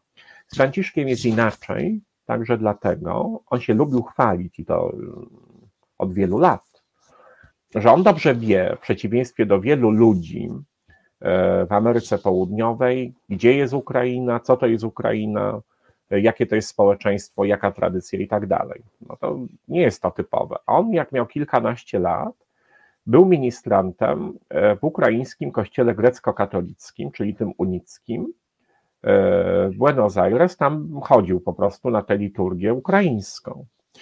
E, więc on już jako nastolatek wiedział, że coś takiego jest, e, coś takiego funkcjonuje. I wiedział, że jest taki kraj na pewno i że tam są prześladowani chrześcijanie i że to nie są Rosjanie, bo ukraiński kościół grecko-katolicki w żaden sposób nigdy nie był zruszczony, zmoskalizowany, e, tylko był likwidowany, jak tylko nie wiem, Moskale się, prawda, do, do niego dobierali. Moskale, czasami to nie byli Moskale dosłownie, ale jak wiadomo, po powstaniu listopadowym został zlikwidowany e, na terenach e, zaboru rosyjskiego u nas. Siłą później jeszcze po powstaniu styczniowym z kolei wtłaczano parafie grecko-katolickie do prawosławnych ci, którzy nie chcieli być tłoczeni do prawosławia moskiewskiego, przechodzili na łaciński katolicyzm. To jest ciekawe historie, u nas trochę słabo znane w Polsce, a to jest e, jakby nasze podwórko. E, to jest godne przypomnienia. No, może gdzieś na wschodzie, jak ktoś słyszał o męczennikach pratulińskich rozstrzeliwanych przez Rosjan, którzy nie chcieli przejść do cerkwi moskiewskiej, prawda, po powstaniu styczniowym, to wie o co chodzi, no ale większość Polaków pewnie nie ma bladego pojęcia o tym. E, a później, e, jak Lwów wszedł w skład Związku Radzieckiego po II wojnie światowej, dokonano likwidacji kościoła grecko-katolickiego e, na żądanie Stalina z kolei. Więc papież Franciszek o tym wiedział. O tym wiedział od wczesnej młodości. On zna te uwarunkowania. On doskonale wie, co robili, prawda, prawosławni moskiewscy z grekokatolikami a mimo to działa tak, jak działa. W związku z tym ja bym go nie usprawiedliwiał niewiedzą i ignorancją w tym momencie i że wygodniej mu jest, nie wiem, przeciwstawiać się Amerykanom, których nie lubi, dlatego że po pierwsze pod jego jurysdykcją znajdują się ukraińscy katolicy, łacińscy i grekokatolicy, którzy cierpią i którzy go informują o tym. I co więcej, e, z, taką, z takim rozżaleniem, rozgoryczeniem, postępującą irytacją, jak mówiłem. To się już daje zauważyć i e, arcybiskup większy, czyli głowa tego kościoła grecko-katolickiego, dość wprost mówi, e, prawda, o, o, tym, że nie mają ukraińscy grekokatolicy, czy katolicy w ogóle dostatecznego wsparcia ze strony władz swojego kościoła, czy głowy swojego kościoła no może nie zwrócił się bezpośrednio do Franciszka w ten sposób, no ale, ale jednak no, są to czytelne jakby enuncjacje. E, a co do tego, o czym mówiłeś, no niewątpliwie to już jest starszy człowiek. Trochę to przypomina takie sytuacje właśnie z czasów Jana Pawła II czy Benedykta XVI, że wtedy, kiedy, nie wiem, papież Franciszek ma kłopoty z poruszaniem się, widać wyraźnie, że kuleje, e, e, i jest pytanie o to, y, z jakimi informacjami on ma do czynienia. skoro ta cała świta watykańska, jeśli chodzi o dyplomatów watykańskich, kardynała Parolina na czele, prawda, złożona... który był zwolennikiem takiego wyciszania sprawy i absolutnie nie atakowania tak. Putina, wylewania oliwy i tak dalej. No, co no tak, to się nawoje jak typowy Włoch na Watykanie. Był taki kardynał po Soborze Watykańskim II, jeszcze w czasach wczesnych pontyfikatu, no, wczesnych latach pontyfikatu Jana Pawła II, Agostino Casaroli, to ty na pewno go pamiętasz jeszcze. On był szefem dyplomacji watykańskiej, on też nie chciał drażnić sowieckiego niedźwiedzia, broń Boże, i powstrzymujemy się i tak dalej. Więc to, to jest taka tradycja, no znowu to jest inercja instytucjonalna, że takich ludzi tam mają, prawda, w tym sekretariacie stanu i że oni w tej chwili zawiadują tą dyplomacją watykańską. No ale pytanie jest także, E, z kim ten papież e, funkcjonuje, tak? To kogo do niego dopuszczają, jakie informacje dostaje, co wie, czego nie wie i tak dalej, a do tego dochodzi właśnie ta starość, o której mówiłeś.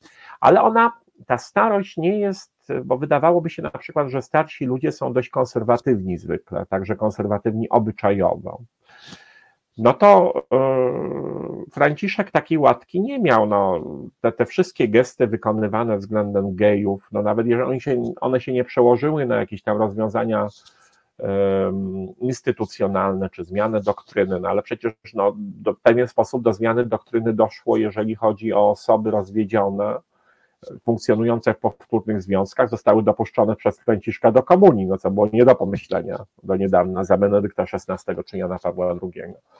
Więc on takie, prawda, nie wiem, furtki otwierał.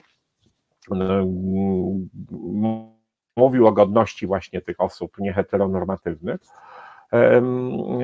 Więc y, akurat tutaj, mimo że wydawało się, że jest stary, to ja nie sądzę, że zmienił poglądy i wbrew temu, co sądzą Agnieszka Graf czy Elżbieta Korolczuk, to nie jest zawarcie taktycznego sojuszu z Cyrylem przeciwko gej Europie.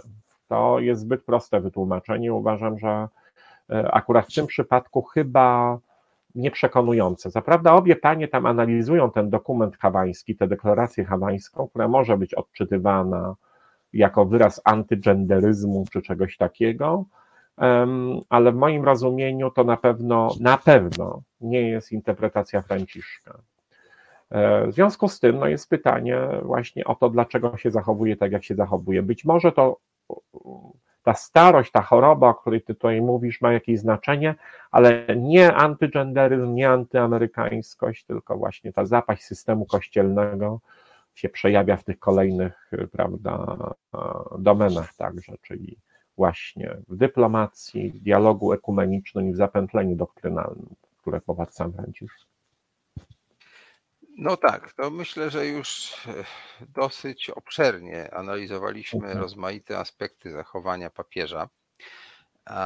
I w zasadzie mm, nie bardzo istnieje usprawiedliwienie, bo te wszystkie argumenty typu doktryny, typu dyplomacji, typu ekumenizmu, no to są dosyć, powiedziałbym, mało przekonujące.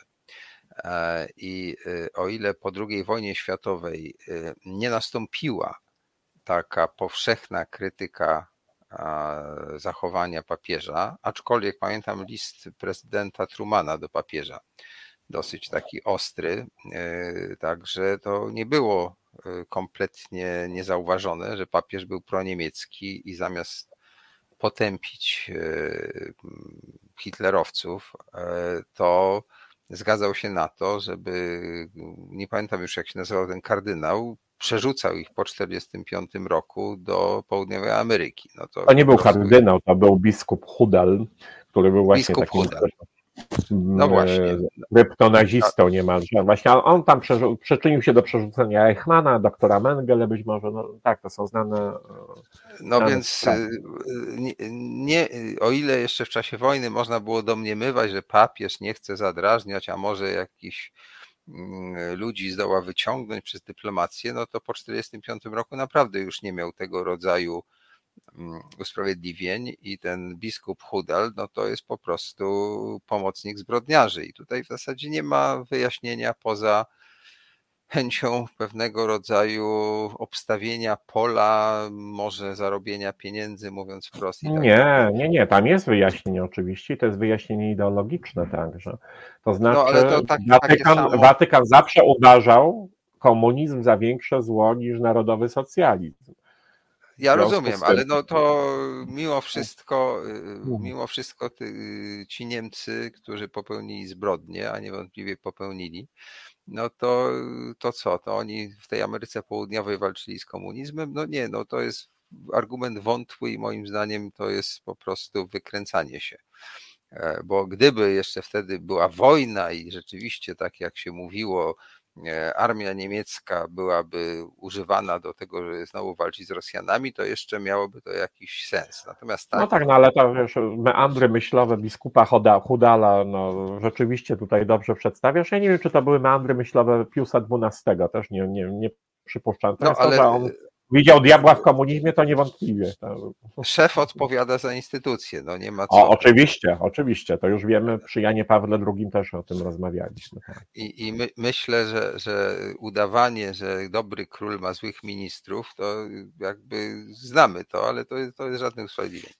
No dobrze, e, jak się nasza realizatorka e, będzie w stanie E, tutaj nam mm, będzie w stanie nam muzycznie pomóc, to może puścimy jakiś utwór, ale zdaje się jest jakiś drobny kłopot techniczny, więc kontynuujmy na razie rozmowę. E, I teraz tak, e, pytanie jest proste. Ty uważasz, że Kościół się zreformuje? O, widzę, że jest. To Asiu, poprosimy o piękny fragment muzyczny, chwilę odetchniemy i przejdziemy może do nieco innych zagadnień. Znudzeni mainstreamowymi newsami? Czas na reset obywatelski, zaangażowane dziennikarstwo. Witam Państwa, witam tych, którzy dopiero teraz się włączyli i stracili e, nasze e, dialogi, czy właściwie monolog doktora Sebastiana Dudy z tymi nielicznymi próbami wtrącenia moich amatorskich komentarzy dotyczących tego, dlaczego papież Franciszek tak potwornie wszystkich zawiódł, jeśli chodzi o agresję, zbrodnicze działania Rosji y, w Ukrainie. Y, nasz dzisiejszy gość to jest teolog dr Sebastian Duda, to jest program na WSPAK, ja nazywam się Konrad Szołajski. I kontynuujemy rozmowę wykorzystując fakt, e, że Sebastian jest człowiekiem znającym doskonale wszelkie teksty e, religijne i nie tylko dotyczące katolicyzmu, chrześcijaństwa i wiary w ogóle. I teraz e, tak troszkę Cię chcę sprowokować, Sebastianie. Mm, e, czy mm, nie obawiasz się, że nie jest tak, czy, czy przypadkiem nie jest tak, jak było pod koniec istnienia PRL-u, że lektorzy KC którzy przez wiele lat mogli jeździć z pogadankami na temat marksizmu, leninizmu albo różnych meandrów polityki PZPR, właściwie z dnia na dzień stracili pracę. Prawda? E, że ten marksizm, leninizm przestał być popularny. On teraz troszkę wraca, ale już jednak w zupełnie innej formie i już nikt nie próbuje traktować tego jako takiego idiotycznego dogmatu, tylko raczej e, sięga się do pewnych wątków filozoficznych czy, czy spostrzeżeń ekonomicznych i tak dalej, natomiast nie, nie są to wskazania e, mające służyć wytłumaczeniu, dlaczego partia ciągle idzie w jakąś dziwną stronę. No niemniej, e, czy tak trochę się nie, nie, nie robi z naszą e, tutaj religią dominującą, katolicyzmem? No bo jak ja jeżdżę na zachód, a no, miałem przerwę przez pandemię, ale dość często jeżdżę. Ostatnio byłem w Holandii. To w zasadzie tam religii praktycznie nie ma. To jest śladowe. E, nikt tam nie, oczywiście nie prześladuje żadnych e, chrześcijan, e, czy, czy, czy nawet innych wyznawców. Zdaje się, tam muzułmanie są coraz większą grupą religijną, ale to jest taki pewien jakby margines życia, prawda? I w większości społecznej w zachodnich trochę tak jest. Przy czym to nie oznacza, że mm, ludzie nie mają potrzeb duchowych tylko mm, teraz coraz częściej mówi się o tym, że ludzie nie potrzebują kościoła. Ludzie mogą mieć potrzeby duchowe, mogą wierzyć w jakąś, nie wiem, istotę nadprzyrodzoną, czy jakąś opatrzność czy cokolwiek takiego. Natomiast jakby poczucie, że jesteśmy związani z konkretną religią, która ma swoją hierarchię, strukturę papieża, biskupa, księdza i tak dalej, no to to poczucie, które przedtem było takie, no właściwie z tym żyliśmy, to teraz jakby odchodzi w przeszłość. Polska młodzież się laicyzuje w tempie chyba najszybszym na świecie. E, I jeśli ten rozwój, który następuje, będzie mniej więcej taki, jak to było na Zachodzie, no to jak nie nastąpi kataklizm, Putin nie rzuci tutaj jakichś Iskanderów z głowicami atomowymi, to za 10 czy 20 lat będzie tak jak w Holandii. Jak byłem na festiwalu kiedyś ITFA, to pamiętam, że mm, w takiej wielkiej katedrze w Amsterdamie wieczorem podejmowano nas uroczystą kolacją. A czy w ogóle tak nie bardzo kojarzyliśmy, że to katedra. Ona w niedzielę była przed południem wykorzystana na mszę prawda? A po południu ona była wynajmowana, nawet nie wiem, kto był jej właścicielem. Więc to jest mniej więcej ten kierunek i e, rozumiem z tych wyjaśnień, które tutaj zostały e, wyartykułowane, że w jakimś sensie Watykan się jednoczy z cerkwią prawosławną, broniąc jakby tych okopów świętej Trójcy i że trudno, no to już nawet ten zbrodniarz Putin jest lepszy, bo inaczej to nas po prostu y, przestaną traktować poważnie, tak? No to już trudno, no on tam trochę tych Ukraińców pozabija, natomiast uratuje no w ogóle ten cały statek, którym płyniemy, bo inaczej zatoniemy, tak jak to się dzieje w Europie Zachodniej. No i to jest moje pytanie, czy nie obawiasz się, że to tak jest i czy skoro zgodziłeś się na to, y, y, co pisał Tomasz Polek, że w zasadzie chrześcijaństwo od początku było w istocie przemocowe, tylko to jakoś tak zgrabnie ukrywało. Czy też tak po prostu nie jest, że ta religia w momencie, kiedy ludzie dochodzą do tej świadomości, przestanie istnieć, będzie sobie tam szczątkowo istniała, ale nie już w tej formie dominującej, tak jak te wielkie religie starożytności. No, dzisiaj już nikt nie czci tam różnych tych egipskich bogów czy innych. E, Zeus jest piękną postacią z mitologii i tak dalej. No to e, czy zmienisz zawód, czy też będziesz dalej no. teologiem katolickim, jak to z tobą będzie i jak to będzie z tym twoim, terenem twoich badań? A także jesteś człowiekiem nie wiem, czy jeszcze jesteś, może już nie jesteś człowiekiem wierzącym. Mhm. No dobrze, no to taka losa do tego, co powiedziałeś od razu. E, ja uważam, że nie jest tak, że chrześcijaństwo tylko generuje przemoc i się maskuje. Od razu takie moje zastrzeżenia. Tomasz Polak pokazał moment, w którym chrześcijaństwo generuje przemoc, taką po prostu taki punkt węzłowy. Ale to nie jest całe chrześcijaństwo. Chrześcijaństwo generuje także mnóstwo innych rzeczy, w tym także wiele dobra. I tego się nie da tak po prostu zanegować, że to jest tylko przemocowe, opresyjne. Tak bardzo wielu ludzi dokonuje tego typu teraz, szczególnie jak odchodzą od chrześcijaństwa, odchodzą od kościoła, to mają taką tendencję do tego, żeby wszystko to ujmować w ramach, nie wiem, opresyjnej struktury, tego, że czegoś doświadczyli takiego strasznie niedobrego, że uwolnili się nareszcie od tego ciężaru, od poczucia winy i tak dalej. Dobrze, ale to nie jest tylko chrześcijaństwo. Natomiast dobrze rozumieć, dlaczego tego typu rzeczy w chrześcijaństwie były i są generowane. I to właśnie pokazuje książka Tomasza Polaka. Ona może być czytana, moim zdaniem, przez ludzi wierzących także um, z dużą korzyścią dla nich. To jest bardzo e, trudna w lekturze. Od razu mówię, że dużo łatwiej jest korzystać z tej książki, prosząc e, doktora Sebastiana Dudę o egzegezę ponieważ język, którym posługuje się Tomasz Polak, jest tak e, hermetyczny, że ja się troszkę załamałem, a lubię czasem takie dziwne lektury. To jest trochę tak jak z tekstami Jana Pawła II o płciowości. To łatwiej było mi obcować z księdzem Ksawerym Knocem, który tłumaczył, że penis jest ok, podobnie jak ucho, nos i różne inne organa i nie ma konieczności sięgania do wielkich tekstów Jana Pawła II, który pisał językiem takim też hermetycznym. Ale to już się nie wtrącam mhm. więcej, słucham się dalej. Dobrze, więc e, to jest jakby jedno. No, a druga rzecz jest, no to jest bardzo poważny problem, na który ty zwracasz uwagę.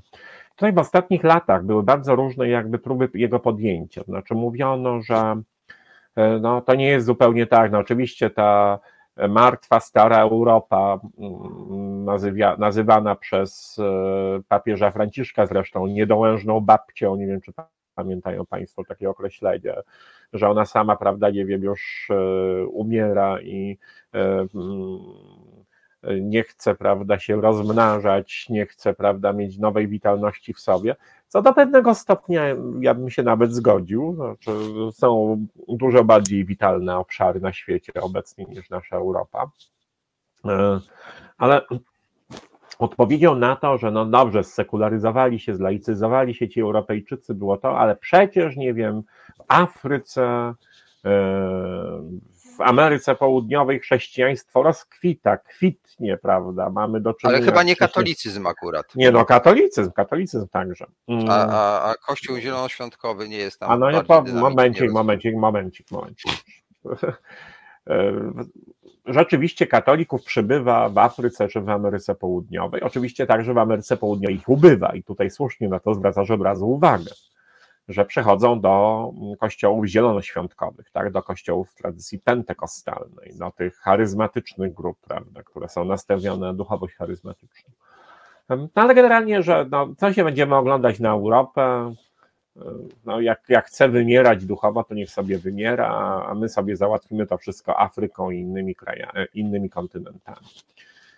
Bo nawet w Stanach Zjednoczonych przez wiele lat no, było inaczej niż w Europie Zachodniej, ty dobrze o tym wiesz także. To znaczy, to było jedno z najbardziej rozbudzonych religijnie chrześcijańskich społeczeństw świata. To się trochę zmieniło w ciągu ostatnich dwóch dekad. Teraz coraz więcej ludzi, to nie było o, nigdy specyfiką amerykańską. Po pierwsze, przyznaje się do ateizmu. Jest jakaś duża grupa w Stanach Zjednoczonych, ale zawsze. E, tam z poziomu pół procent do kilku procent to już jest e, duży, duży przeskok ale także e, mnóstwo ludzi definiuje się jako osoby, które nie przynależą do żadnego wyznania. Nons. Nons, tak, żadni, tak. Odeszli od religii, ale mają jakąś tam duchowość i prawda, chcą ją zachować. E, no to jeśli chodzi o Europę Zachodnią, no to tak e, te poczucie afiliacji, które jest tak ważne dla Ameryki, że nawet musisz się zdefiniować jako non, E, nie jest takie istotne i to jest chyba też charakterystyczne. Z drugiej strony, to zawsze opowiadam, ale zawsze warto to przytoczyć, to znaczy na takich, prawda, pustyniach pokościelnych, to nie jest tak, że nagle przestają funkcjonować. I mamy już tylko racjonalistów, nie wiem, wyznających tak zwany światopogląd naukowy i anty, mówiąc ściślej, którzy, którzy występują przeciwko zabobonom religijnym dlatego że najbardziej zateizowanym, czy jednym z najbardziej zateizowanych społeczeństw europejskich, czyli w Czechach, w Republice Czeskiej, przeprowadzono badania i tam ponad 60% dorosłej populacji gen, gen, korzysta regularnie z pomocy wróżek, horoskopów, prawda, i, i w to wierzy. No. Jest po prostu pewna luka i dziura, którą się jakoś tak zapełnia. No dobrze, Sebastianie, na chwilę ci przerwę.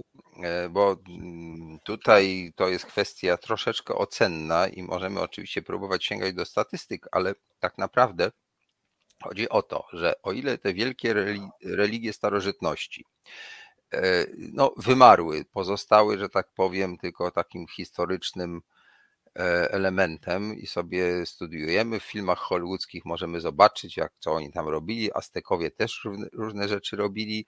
E, wiara towarzyszy człowiekowi od zarania, prawda? Już na ścianach e, jaskiń, tam różne są obrazki i możemy domniemywać, że tam jakieś formy religijności panowały. Niemniej to się zmienia, prawda? I to, że w Czechach słusznie mówisz, że tam pewne formy takiego y, y, duchowego zaopatrzenia człowieka się pojawiły y, w następstwie ateizacji czy, czy odchodzenia od tych religii instytucjonalnych, no dobrze, no to może to jest właśnie przyszłość.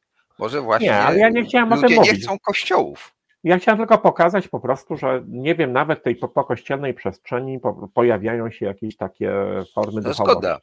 Ale mieliśmy mówić o chrześcijaństwie, nie chcę mówić. No tak, tak, no, to jest kontekst, który ma nam mhm, służyć mhm. do stwierdzenia, czy pacjent jeszcze żyje, czy, czy już dogorywa, no czy, czy może zmartwychwstać?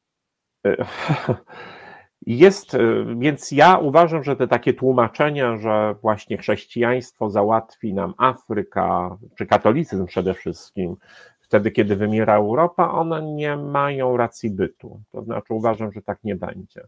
I z chwilą, kiedy tutaj w poprzedniej części rozmowy mówiłem o zapaści systemu klerykalnego, to uważam, że on się będzie zapadał, e, co nie znaczy, że się zapadnie. Wbrew temu, co tutaj, wiesz, można by sobie założyć, przyjmując niektóre z Twoich obserwacji za punkt wyjścia. Myślę, że nie, że ma pewną witalność w sobie chrześcijaństwo, można to różnie tłumaczyć.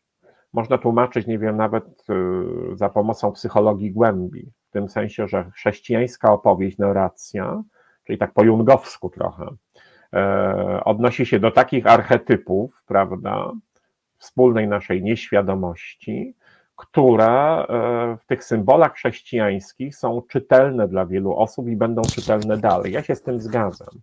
To, że instytucjonalny Kościół w pewnej formie umiera, wielokrotnie się zdarzało w historii chrześcijaństwa. Tak? To znaczy, tak samo jak mówisz o wymarłych religiach e, starożytnych, tak samo mamy kupę wymarłych kościołów. Kupę, wiele. Nie chcę takich kolokwializmów używać. Bardzo wiele takich grup, które były chrześcijańskie, o których nikt już nie wie poza właśnie specjalistami teologami nic, które się zachowały czasem Mandejczycy, Ebionici, Dokeci, Ebionici, Dokeci, proszę bardzo. Tak. Arianie. Arianie czwartowieczni, bo tam nasi Arianie XVI-wieczni, bracia polscy się przekształcili w unitarian. Tak. E, tak e, to wszystko jakoś tam sobie, więc to, że coś wymiera w instytucjonalnym zakresie, no to jest jakby jedna sprawa. Czy mamy do czynienia z nową taką sytuacją, gdzie wiele osób po prostu pozostaje poza religijnych, i że to jest przypadek, jak mówisz, zachodniej Europy przede wszystkim. Ja bym się tutaj zgodził, ale ja uważam, że e, na dłuższą metę to tak nie będzie. Także z powodu, o którym opowiedziałeś tutaj, to znaczy, że skoro już nie wiem, w grotach i w jaskiniach mamy właśnie to, co mamy w czasach prehistorycznych, że mamy, nie wiem, pierwsze pochówki e, ludzkie potwierdzone sprzed 105 tysięcy lat, to znaczy, że już 105 tysięcy lat temu ludzie grzebali swoich bliskich, zamiast rzucić, porzucić te zwłoki gdzieś na pożarcie dzikim zwierzętom, to już zdaniem niektórych jest to po prostu no, świadectwo pewnego myślenia religijnego. Nie wiemy jakiego, tak, ale że było jakieś poczucie bliskości ze zmarłymi i pewnie było jakoś tam tłumaczone w tych, w tych grupach. Więc to jest jakby stały element naszej kultury, ta religia i stały element naszej. Um, no nie, nie. E, znaczy, tutaj bym oddzielił dwie kategorie. To znaczy szacunek dla zmarłych, e, którzy no, są naszymi przodkami, często naszymi rodzicami czy, czy krewnymi, E, niekoniecznie musi mieć związek z jakąkolwiek formą religijności. Być może nie, ale ja to się odnoszę do tego. swojego ojca czy matkę. No, ale, już... ale to już jest funkcja pewna czegoś innego. Pytanie, czy po prostu na tak wczesnym etapie rozwoju ludzkości sam szacunek, o jakim ty mówisz, był wystarczający do tego po prostu, żeby tego te praktyki były w ten sam w ten sposób realizowane, jak były. Tu chodzi o takie dwie jaskinie w Izraelu.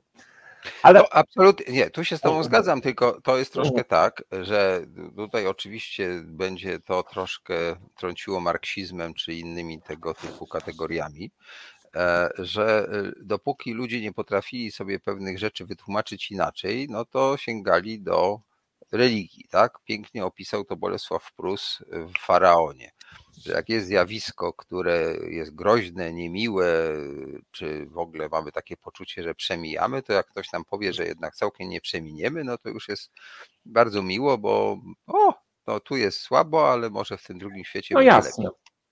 No ale przeciw temu jest to, co powiedziałem choćby o Czechach, czyli że jednak się pojawiają jakieś takie potrzeby, potrzeby zupełnie, wiesz, irracjonalne, nawet w takich kontekstach ateistycznych, kiedy już ludzie powinni wiedzieć, prawda, co to za bobon i tak dalej. Ja nie wiem, dlaczego tak jest. Przyjmijmy roboczo, że to jest jakaś część po prostu no, naszego funkcjonowania jako ludzi. Nie u wszystkich się to musi jednakowo odzywać, nie, o wszystkich, nie we wszystkich kontekstach musi przybierać takie formy, prawda, zorganizowane jak Kościół rzymskokatolicki. I to, że w Holandii czy we Francji mnóstwo ludzi opuściło tradycyjne kościoły, to jest fakt. Jest pytanie, co to jakby zmieniło w tych społeczeństwach? Czy będzie to miało wpływ taki długofalowy? Tego nie wiemy do końca. I czy przypadkiem nie pojawią się nowe formy duchowości, i czy nie będą to także formy duchowości związane z chrześcijaństwem? Ja zakładam, że pojawią się i że będą także związane z chrześcijaństwem. Nie będzie to oczywiście politycznie dominująca struktura, jak średniowieczna chrystianitas, nie będzie to państwo chrześcijańskie, nie będzie to państwowy kościół, nie będzie to nic takiego, a to, że chrześcijaństwo będzie w jakiejś swojej formie żyło i funkcjonowało, i wcale to nie musi być mała grupa. Nie będzie to na pewno taki schemat, jaki proponuje, proponuje Kościół rzymski obecnie, tak? Właśnie Kościół, który jest w zapaści, który się musi zmienić i musi w jakiś sposób no, podjąć te wątki. Pytanie, czy jest w stanie to zrobić, ale kto się spodziewał, powiedzmy, w roku 1530, że Kościół rzymski jest w stanie odpowiedzieć na reformację. A jednak no, sprzężenie nastąpiło, tak? I Tutaj podstawowa jest refleksja, to jest też ciekawe, doktrynalna. To znaczy. A, a nie polityczna? Nie polityczna, właśnie, doktrynalna. Katolicyzm się odrodził w XVI wieku dlatego, że musiał podjąć wątki doktrynalne protestantów, a nie tylko polityczne motywacje różnych książąt niemieckich w tym czasie i tam innych władców europejskich. Mm, a te wątki doktrynalne to było po prostu coś, co ludzi zajmowało. To samo może, oczywiście nie, to sam, nie te same wątki, ale ta, ta sama kwestia może jakby dotyczyć także współczesnych nam ludzi. Ludzie, którzy odkrywają jakieś głębokie schematy, prawda, e, archetypalne, mówiąc tym Jungiem, e, duchowościowo, mogą się odnaleźć także w narracji chrześcijańskiej. Pytanie tylko, co to miałoby być, i w jaki sposób mogłoby opisywać jakoby kondycję duchową współczesnego człowieka. I to jest do mnie pytanie, jako do teologa, tak? Znaczy, jak ludzie do mnie przychodzą, to powinni pytać o to przede wszystkim. Zwykle pytają, prawda, o instytucje, o kościół, o, o, o zaangażowanie polityczne takiego czy innego biskupa, prawda? To są wszystko przypisy, to, to czasami są ważne i bardzo irytujące rzeczy, ja się zgadzam. E, natomiast e, e, kluczem jakby do odpowiedzi na Twoje pytanie jest, jest właśnie to, co w tej teologii, co w tym przedstawieniu Boga, co w tym przedstawieniu Jezusa Chrystusa może jeszcze w jakiś sposób zajarzyć, tak? Może w jakiś sposób tych ludzi chwytać współczesnych. Że nie chwyci wszystkich, to jest dla mnie oczywiste że może nie chwycić całkiem sporej grupy ludzi, to jest też dla mnie oczywiste, ale kogoś chwyci. Nie, niekoniecznie to muszą być grupy niszowe, także od razu ci powiem. Dlatego, że być może ta niezdolność do wiary, ona jest dramatycznie przedstawiana. Ja chyba opowiadałem też tutaj, bo ja cenię tego pisarza po prostu, mimo że jest nieznośny i stylistycznie, i fabularnie, i narracyjnie. Czyli do Michela Welebecka się tutaj odnoszę E, on mówi, że no jest pewnym dramatem współczesnego Zachodu, konsumpcyjnego, hedonistycznego, prawda, nieuznającego wartości cierpienia, że ma tę gotową podpowiedź chrześcijaństwa i nie jest w stanie jej przyjąć, bo ludzie już nie są w stanie to uwier- w to uwierzyć. Ale to, że znajdują się, nie wiem, na pewnej pustyni duchowej, to jest także fakt, który, którego bardzo wielu doświadcza. Nie mówię, że wszyscy. Ale to, że ludzie są wyczerpani, prawda, cywilizacją konsumpcyjną i hedonizmem, to jest dość powszechne zjawisko. Tego się pojawiają surogaty duchowości, religijności oferowane w bardzo różnych miejscach, nie tylko przez wróżki w Czechach, ale przez różnych coachów, kulturę terapeutyczną w różnych, prawda, jej wariantach, niekoniecznie głębokich, niekoniecznie sensownych, także z naukowego punktu widzenia, powiedzmy sobie szczerze. No dobrze, to ja zaryzykuję tutaj taką tezę i pytanie, mianowicie, czy wobec tego te drogi się nie rozejdą? Bo ja rozumiem, że pewna propozycja taka duchowa może być y, interesująca, bo ludzie szukają różnych rzeczy. New Age to jest w ogóle przecież to, prawda? E, Było, bo już się skończył ponoć. Nie no dobrze, to no. ja jestem widocznie, nie, nie, nie, nie, nie jestem na bieżąco, no ale takie różne te alternatywne formy duchowości. E, ludzie, którzy masowo chodzą do muzeów, czy chodzą, nie wiem, na koncerty, to też jest to pewna potrzeba duchowa i w momencie, kiedy ja widzę, jak wielkie tłumy, a w Polsce to w całej Polski wszystkie obrazy jakby się zebrało do kupy, to jest mniej niż w jednym muzeum w Hadze czy w Antwerpii, prawda? A tam muzea są pełne i to zarówno Holendrów, jak i turystów. No ci ludzie, to nie jest po, potrzeba czysto estetyczna. To nie jest tak, że oni tylko podziwiają, że tak powiem, jak to pięknie namalowane. Nie, oni nam przychodzą, bo obcują z pewnego rodzaju no, treścią wykraczającą poza ich życie codzienne, tak bym powiedział. Studiując te obrazy, to co tam się działo w XVII wieku, tam pięknie to są takie reportaże malowane przez y, flamandzkich artystów. Więc ja bym twierdził, że tak jak kiedyś to nie było tak bardzo dostępne, dzisiaj jest dużo łatwiej do tego sięgać, czy to bezpośrednio idąc do muzeum, czy też przez internet. I y, Twoja oferta też jako takiego proroka troszeczkę, który będzie wyjaśniał, jak tutaj można znaleźć sens życia, bardzo proszę. Natomiast te y, wielkie mm, tłumy tych przebranych w różne złote, białe, czarne czapki, stroje, sukienki ludzi, których obserwujemy na tych wielkich, uroczystych, koncelebrowanych mszach, to być może to już jakby odejdzie, tak jak odeszły te różne ceremonie, które oglądamy na w hollywoodzkich filmach do, dotyczących starożytności. A Watykan, tak jak zakon krzyżacki, y, będzie się sekularyzował, zamieni się w taki duży bank, taką korporację, no taką jakąś organizację taką, jaką się przekształcił E, zakon krzyżacki. Przecież to się stało, prawda? Mamy model. Gospodarczo to dalej sobie doskonale, że tak powiem, mm, funkcjonowało, natomiast przestało w ogóle być katolickie, prawda? No nie, no jest we Wiedniu, jak się idzie na procesję Bożego Ciała, idą krzyżacy, co jest za, dla, dla, mnie zawsze szokującym tam widokiem.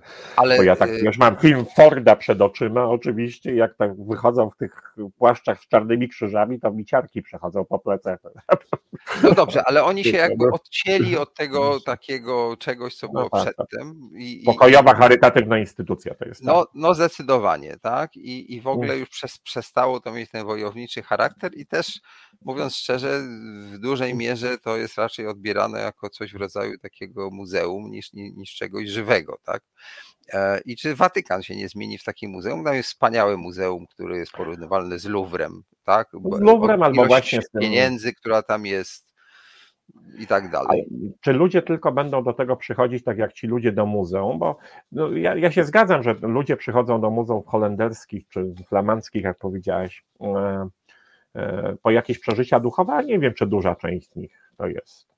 To, to trzeba by jakoś tak pytać i w ogóle nie, nie bardzo. No ja wiem, teraz niedawno byłem w muzeum w Hadze, Narodowym no. Muzeum Holenderskie, gdzie ludzie potrafili stać Maurice pół godziny.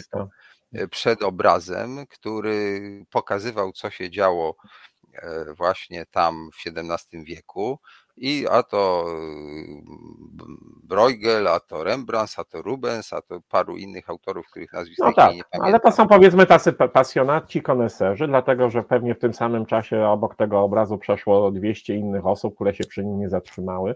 My też mamy tego typu, prawda, nie wiem, sytuacje, bo można sobie w ten sposób analizować bitwę pod Grunwaldem u nas w Muzeum Narodowym w Warszawie i... Nie, dobrze. różnica jest taka, że tam to jest trochę jakby reportażem z prawdziwego życia, a bitwa pod Grunwaldem jest No tak, tak, tak, tak. No, ale... odtworzeniem wizji. Ja, ja się zgadzam, no ale to jest kłopot jakby z uchwyceniem tej potrzeby duchowej.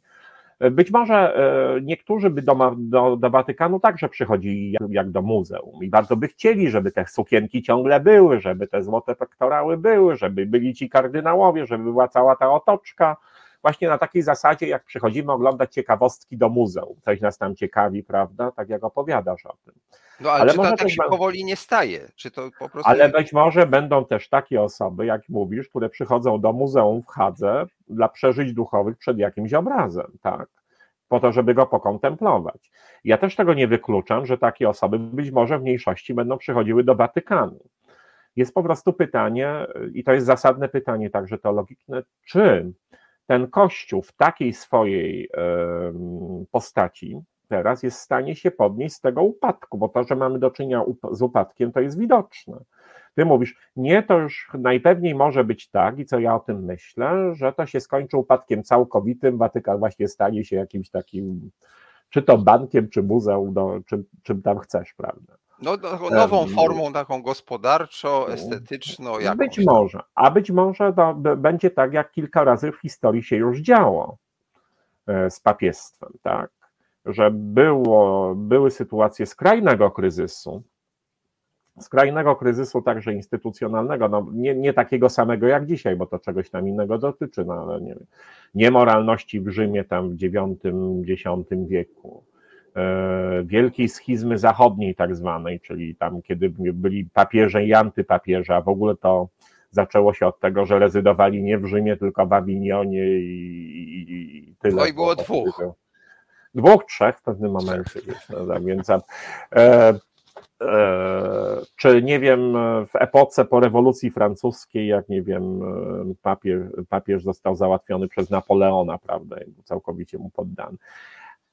Jest pewna żywotność w tym papiestwie, która jest trochę zastanawiające. Ja nie wiem, czy to teraz akurat się przyszedł ten moment historyczny, że to się wykończy po prostu samo, czy się jednak nie ogrodzi, jak to miało w zwyczaju, prawda, w poprzednich tam epokach nawet w takim kontekście, w formie niespecjalnie przez nas mm, przewidywalnej. E, ale jak mówię, kluczem do, do jakby trwałości chrześcijaństwa jako religii nie jest trwałość Watykanu dla mnie, wbrew pozorom. Czy papiestwo może ocaleć? Myślę, że ma na to szanse duże, właśnie ze względów, o których tutaj powiedziałem. Jest w tym jakaś witalność, może tajemnicza, może nie wiem, wynikająca z czegoś tam innego. E, nie tajemnicza, tylko właśnie z tego, że, że, że to jest i splendor, i władza symboliczna duża, i bogactwo, i, i co tam jeszcze. E, ale e, czy chrześcijaństwo będzie w stanie odpowiadać dalej z, z tą swoją narracją, z tą swoją opowieścią na potrzeby duchowe ludzi? E, I wyobraź sobie, mm, że odpowiada w różnych, nawet takich powiedziałbym, bardzo zeświadczonych albo zgoła nietradycyjnie chrześcijańskich kontekstach. To są bardzo dziwaczne formy, od razu powiem, także dla mnie jako teologa. Mówiłem tutaj chyba niedawno o tym, że jest coś takiego jak teologia neokalwińska. Tak? Kalwin e, uznawał teorię tak zwanej podwójnej predestynacji, że Bóg od razu sobie wybiera tych, którzy będą zbawieni, którzy będą potępieni. Tak? I wszystko jedno, co się robi na tym świecie, jak się człowiek stara, od razu jest przeznaczony, prawda, albo do piekła, Albo, prawda, za ten. Tak, tak, tak. I ewentualnie to, co może robić, jak byłeś w Holandii niedawno, no to, to jest cała kultura na tym oparta przecież. No tak, no to... tak. Ci, co byli y, naznaczeni pozytywnie, to oni budowali te piękne domy i tak dalej. No, w ogóle byli bogaci i tak. w związku z tym, że byli bogaci, to znaczy, że byli wybrani przez Boga, a ta Dowód biedota, prawda? Boga. Tak, a ta biedota, prawda, która nie miała takiego, takiej prosperity, prawda, no to niestety kończyła tak, gdzie, także po śmierci, gdzie, gdzie znajdowało się poniekąd za życia także. Mm, ale no to mm, mimo wszystko w kalwinizmie takim klasycznym tam, tam była i duchowość, i pewien kult pracy, i pewna wstrzemięźliwość, E, która e, niespecjalnie jest czytelna, nic dziwnego, że także kalwińskie kościoły pustoszeją e, w Holandii, która nie jest czytelna w dobie cywilizacji konsumpcyjnej, takiej późnokapitalistycznej, z jaką mamy teraz do czynienia, w jakiej żyjemy. Tak?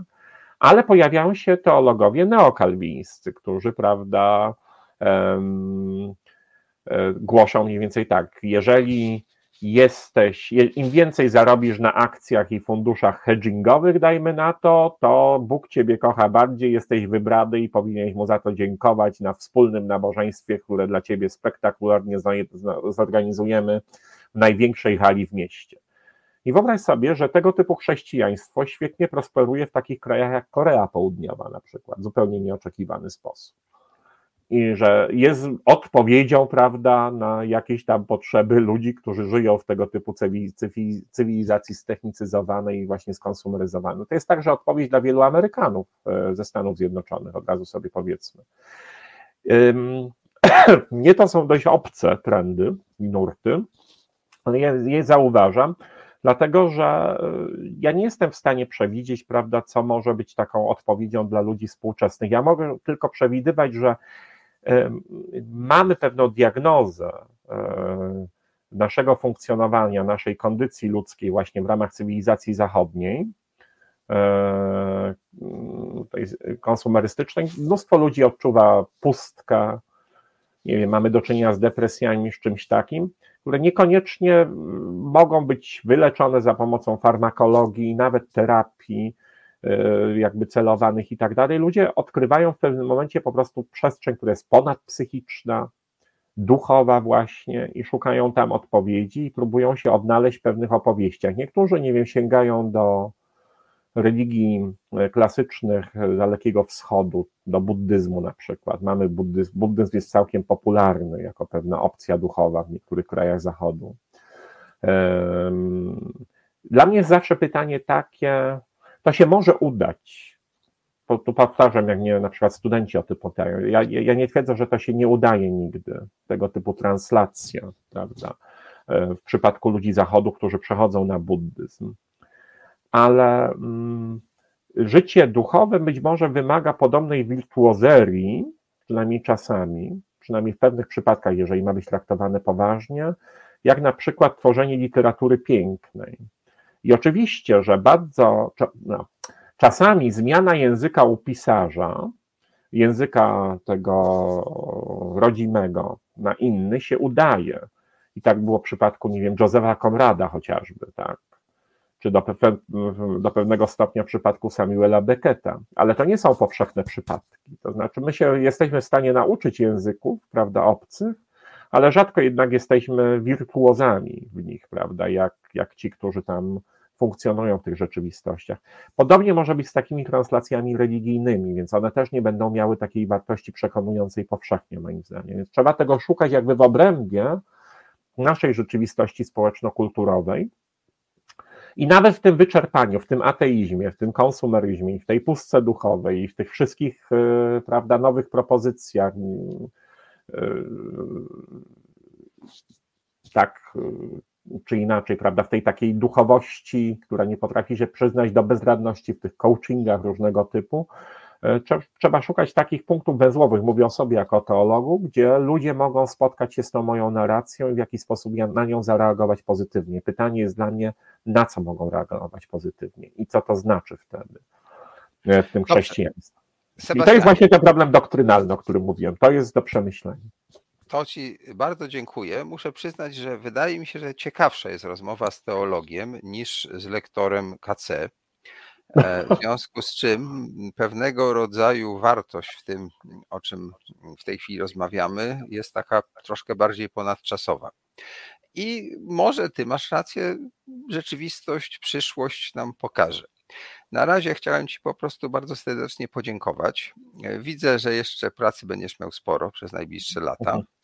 E, I cóż, mam nadzieję, że będziemy mogli się znowu jeszcze spotkać. I Dziękuję Państwu, że cierpliwie, wysłuchali dzisiejszej teologicznej dyskusji. Do następnego razu.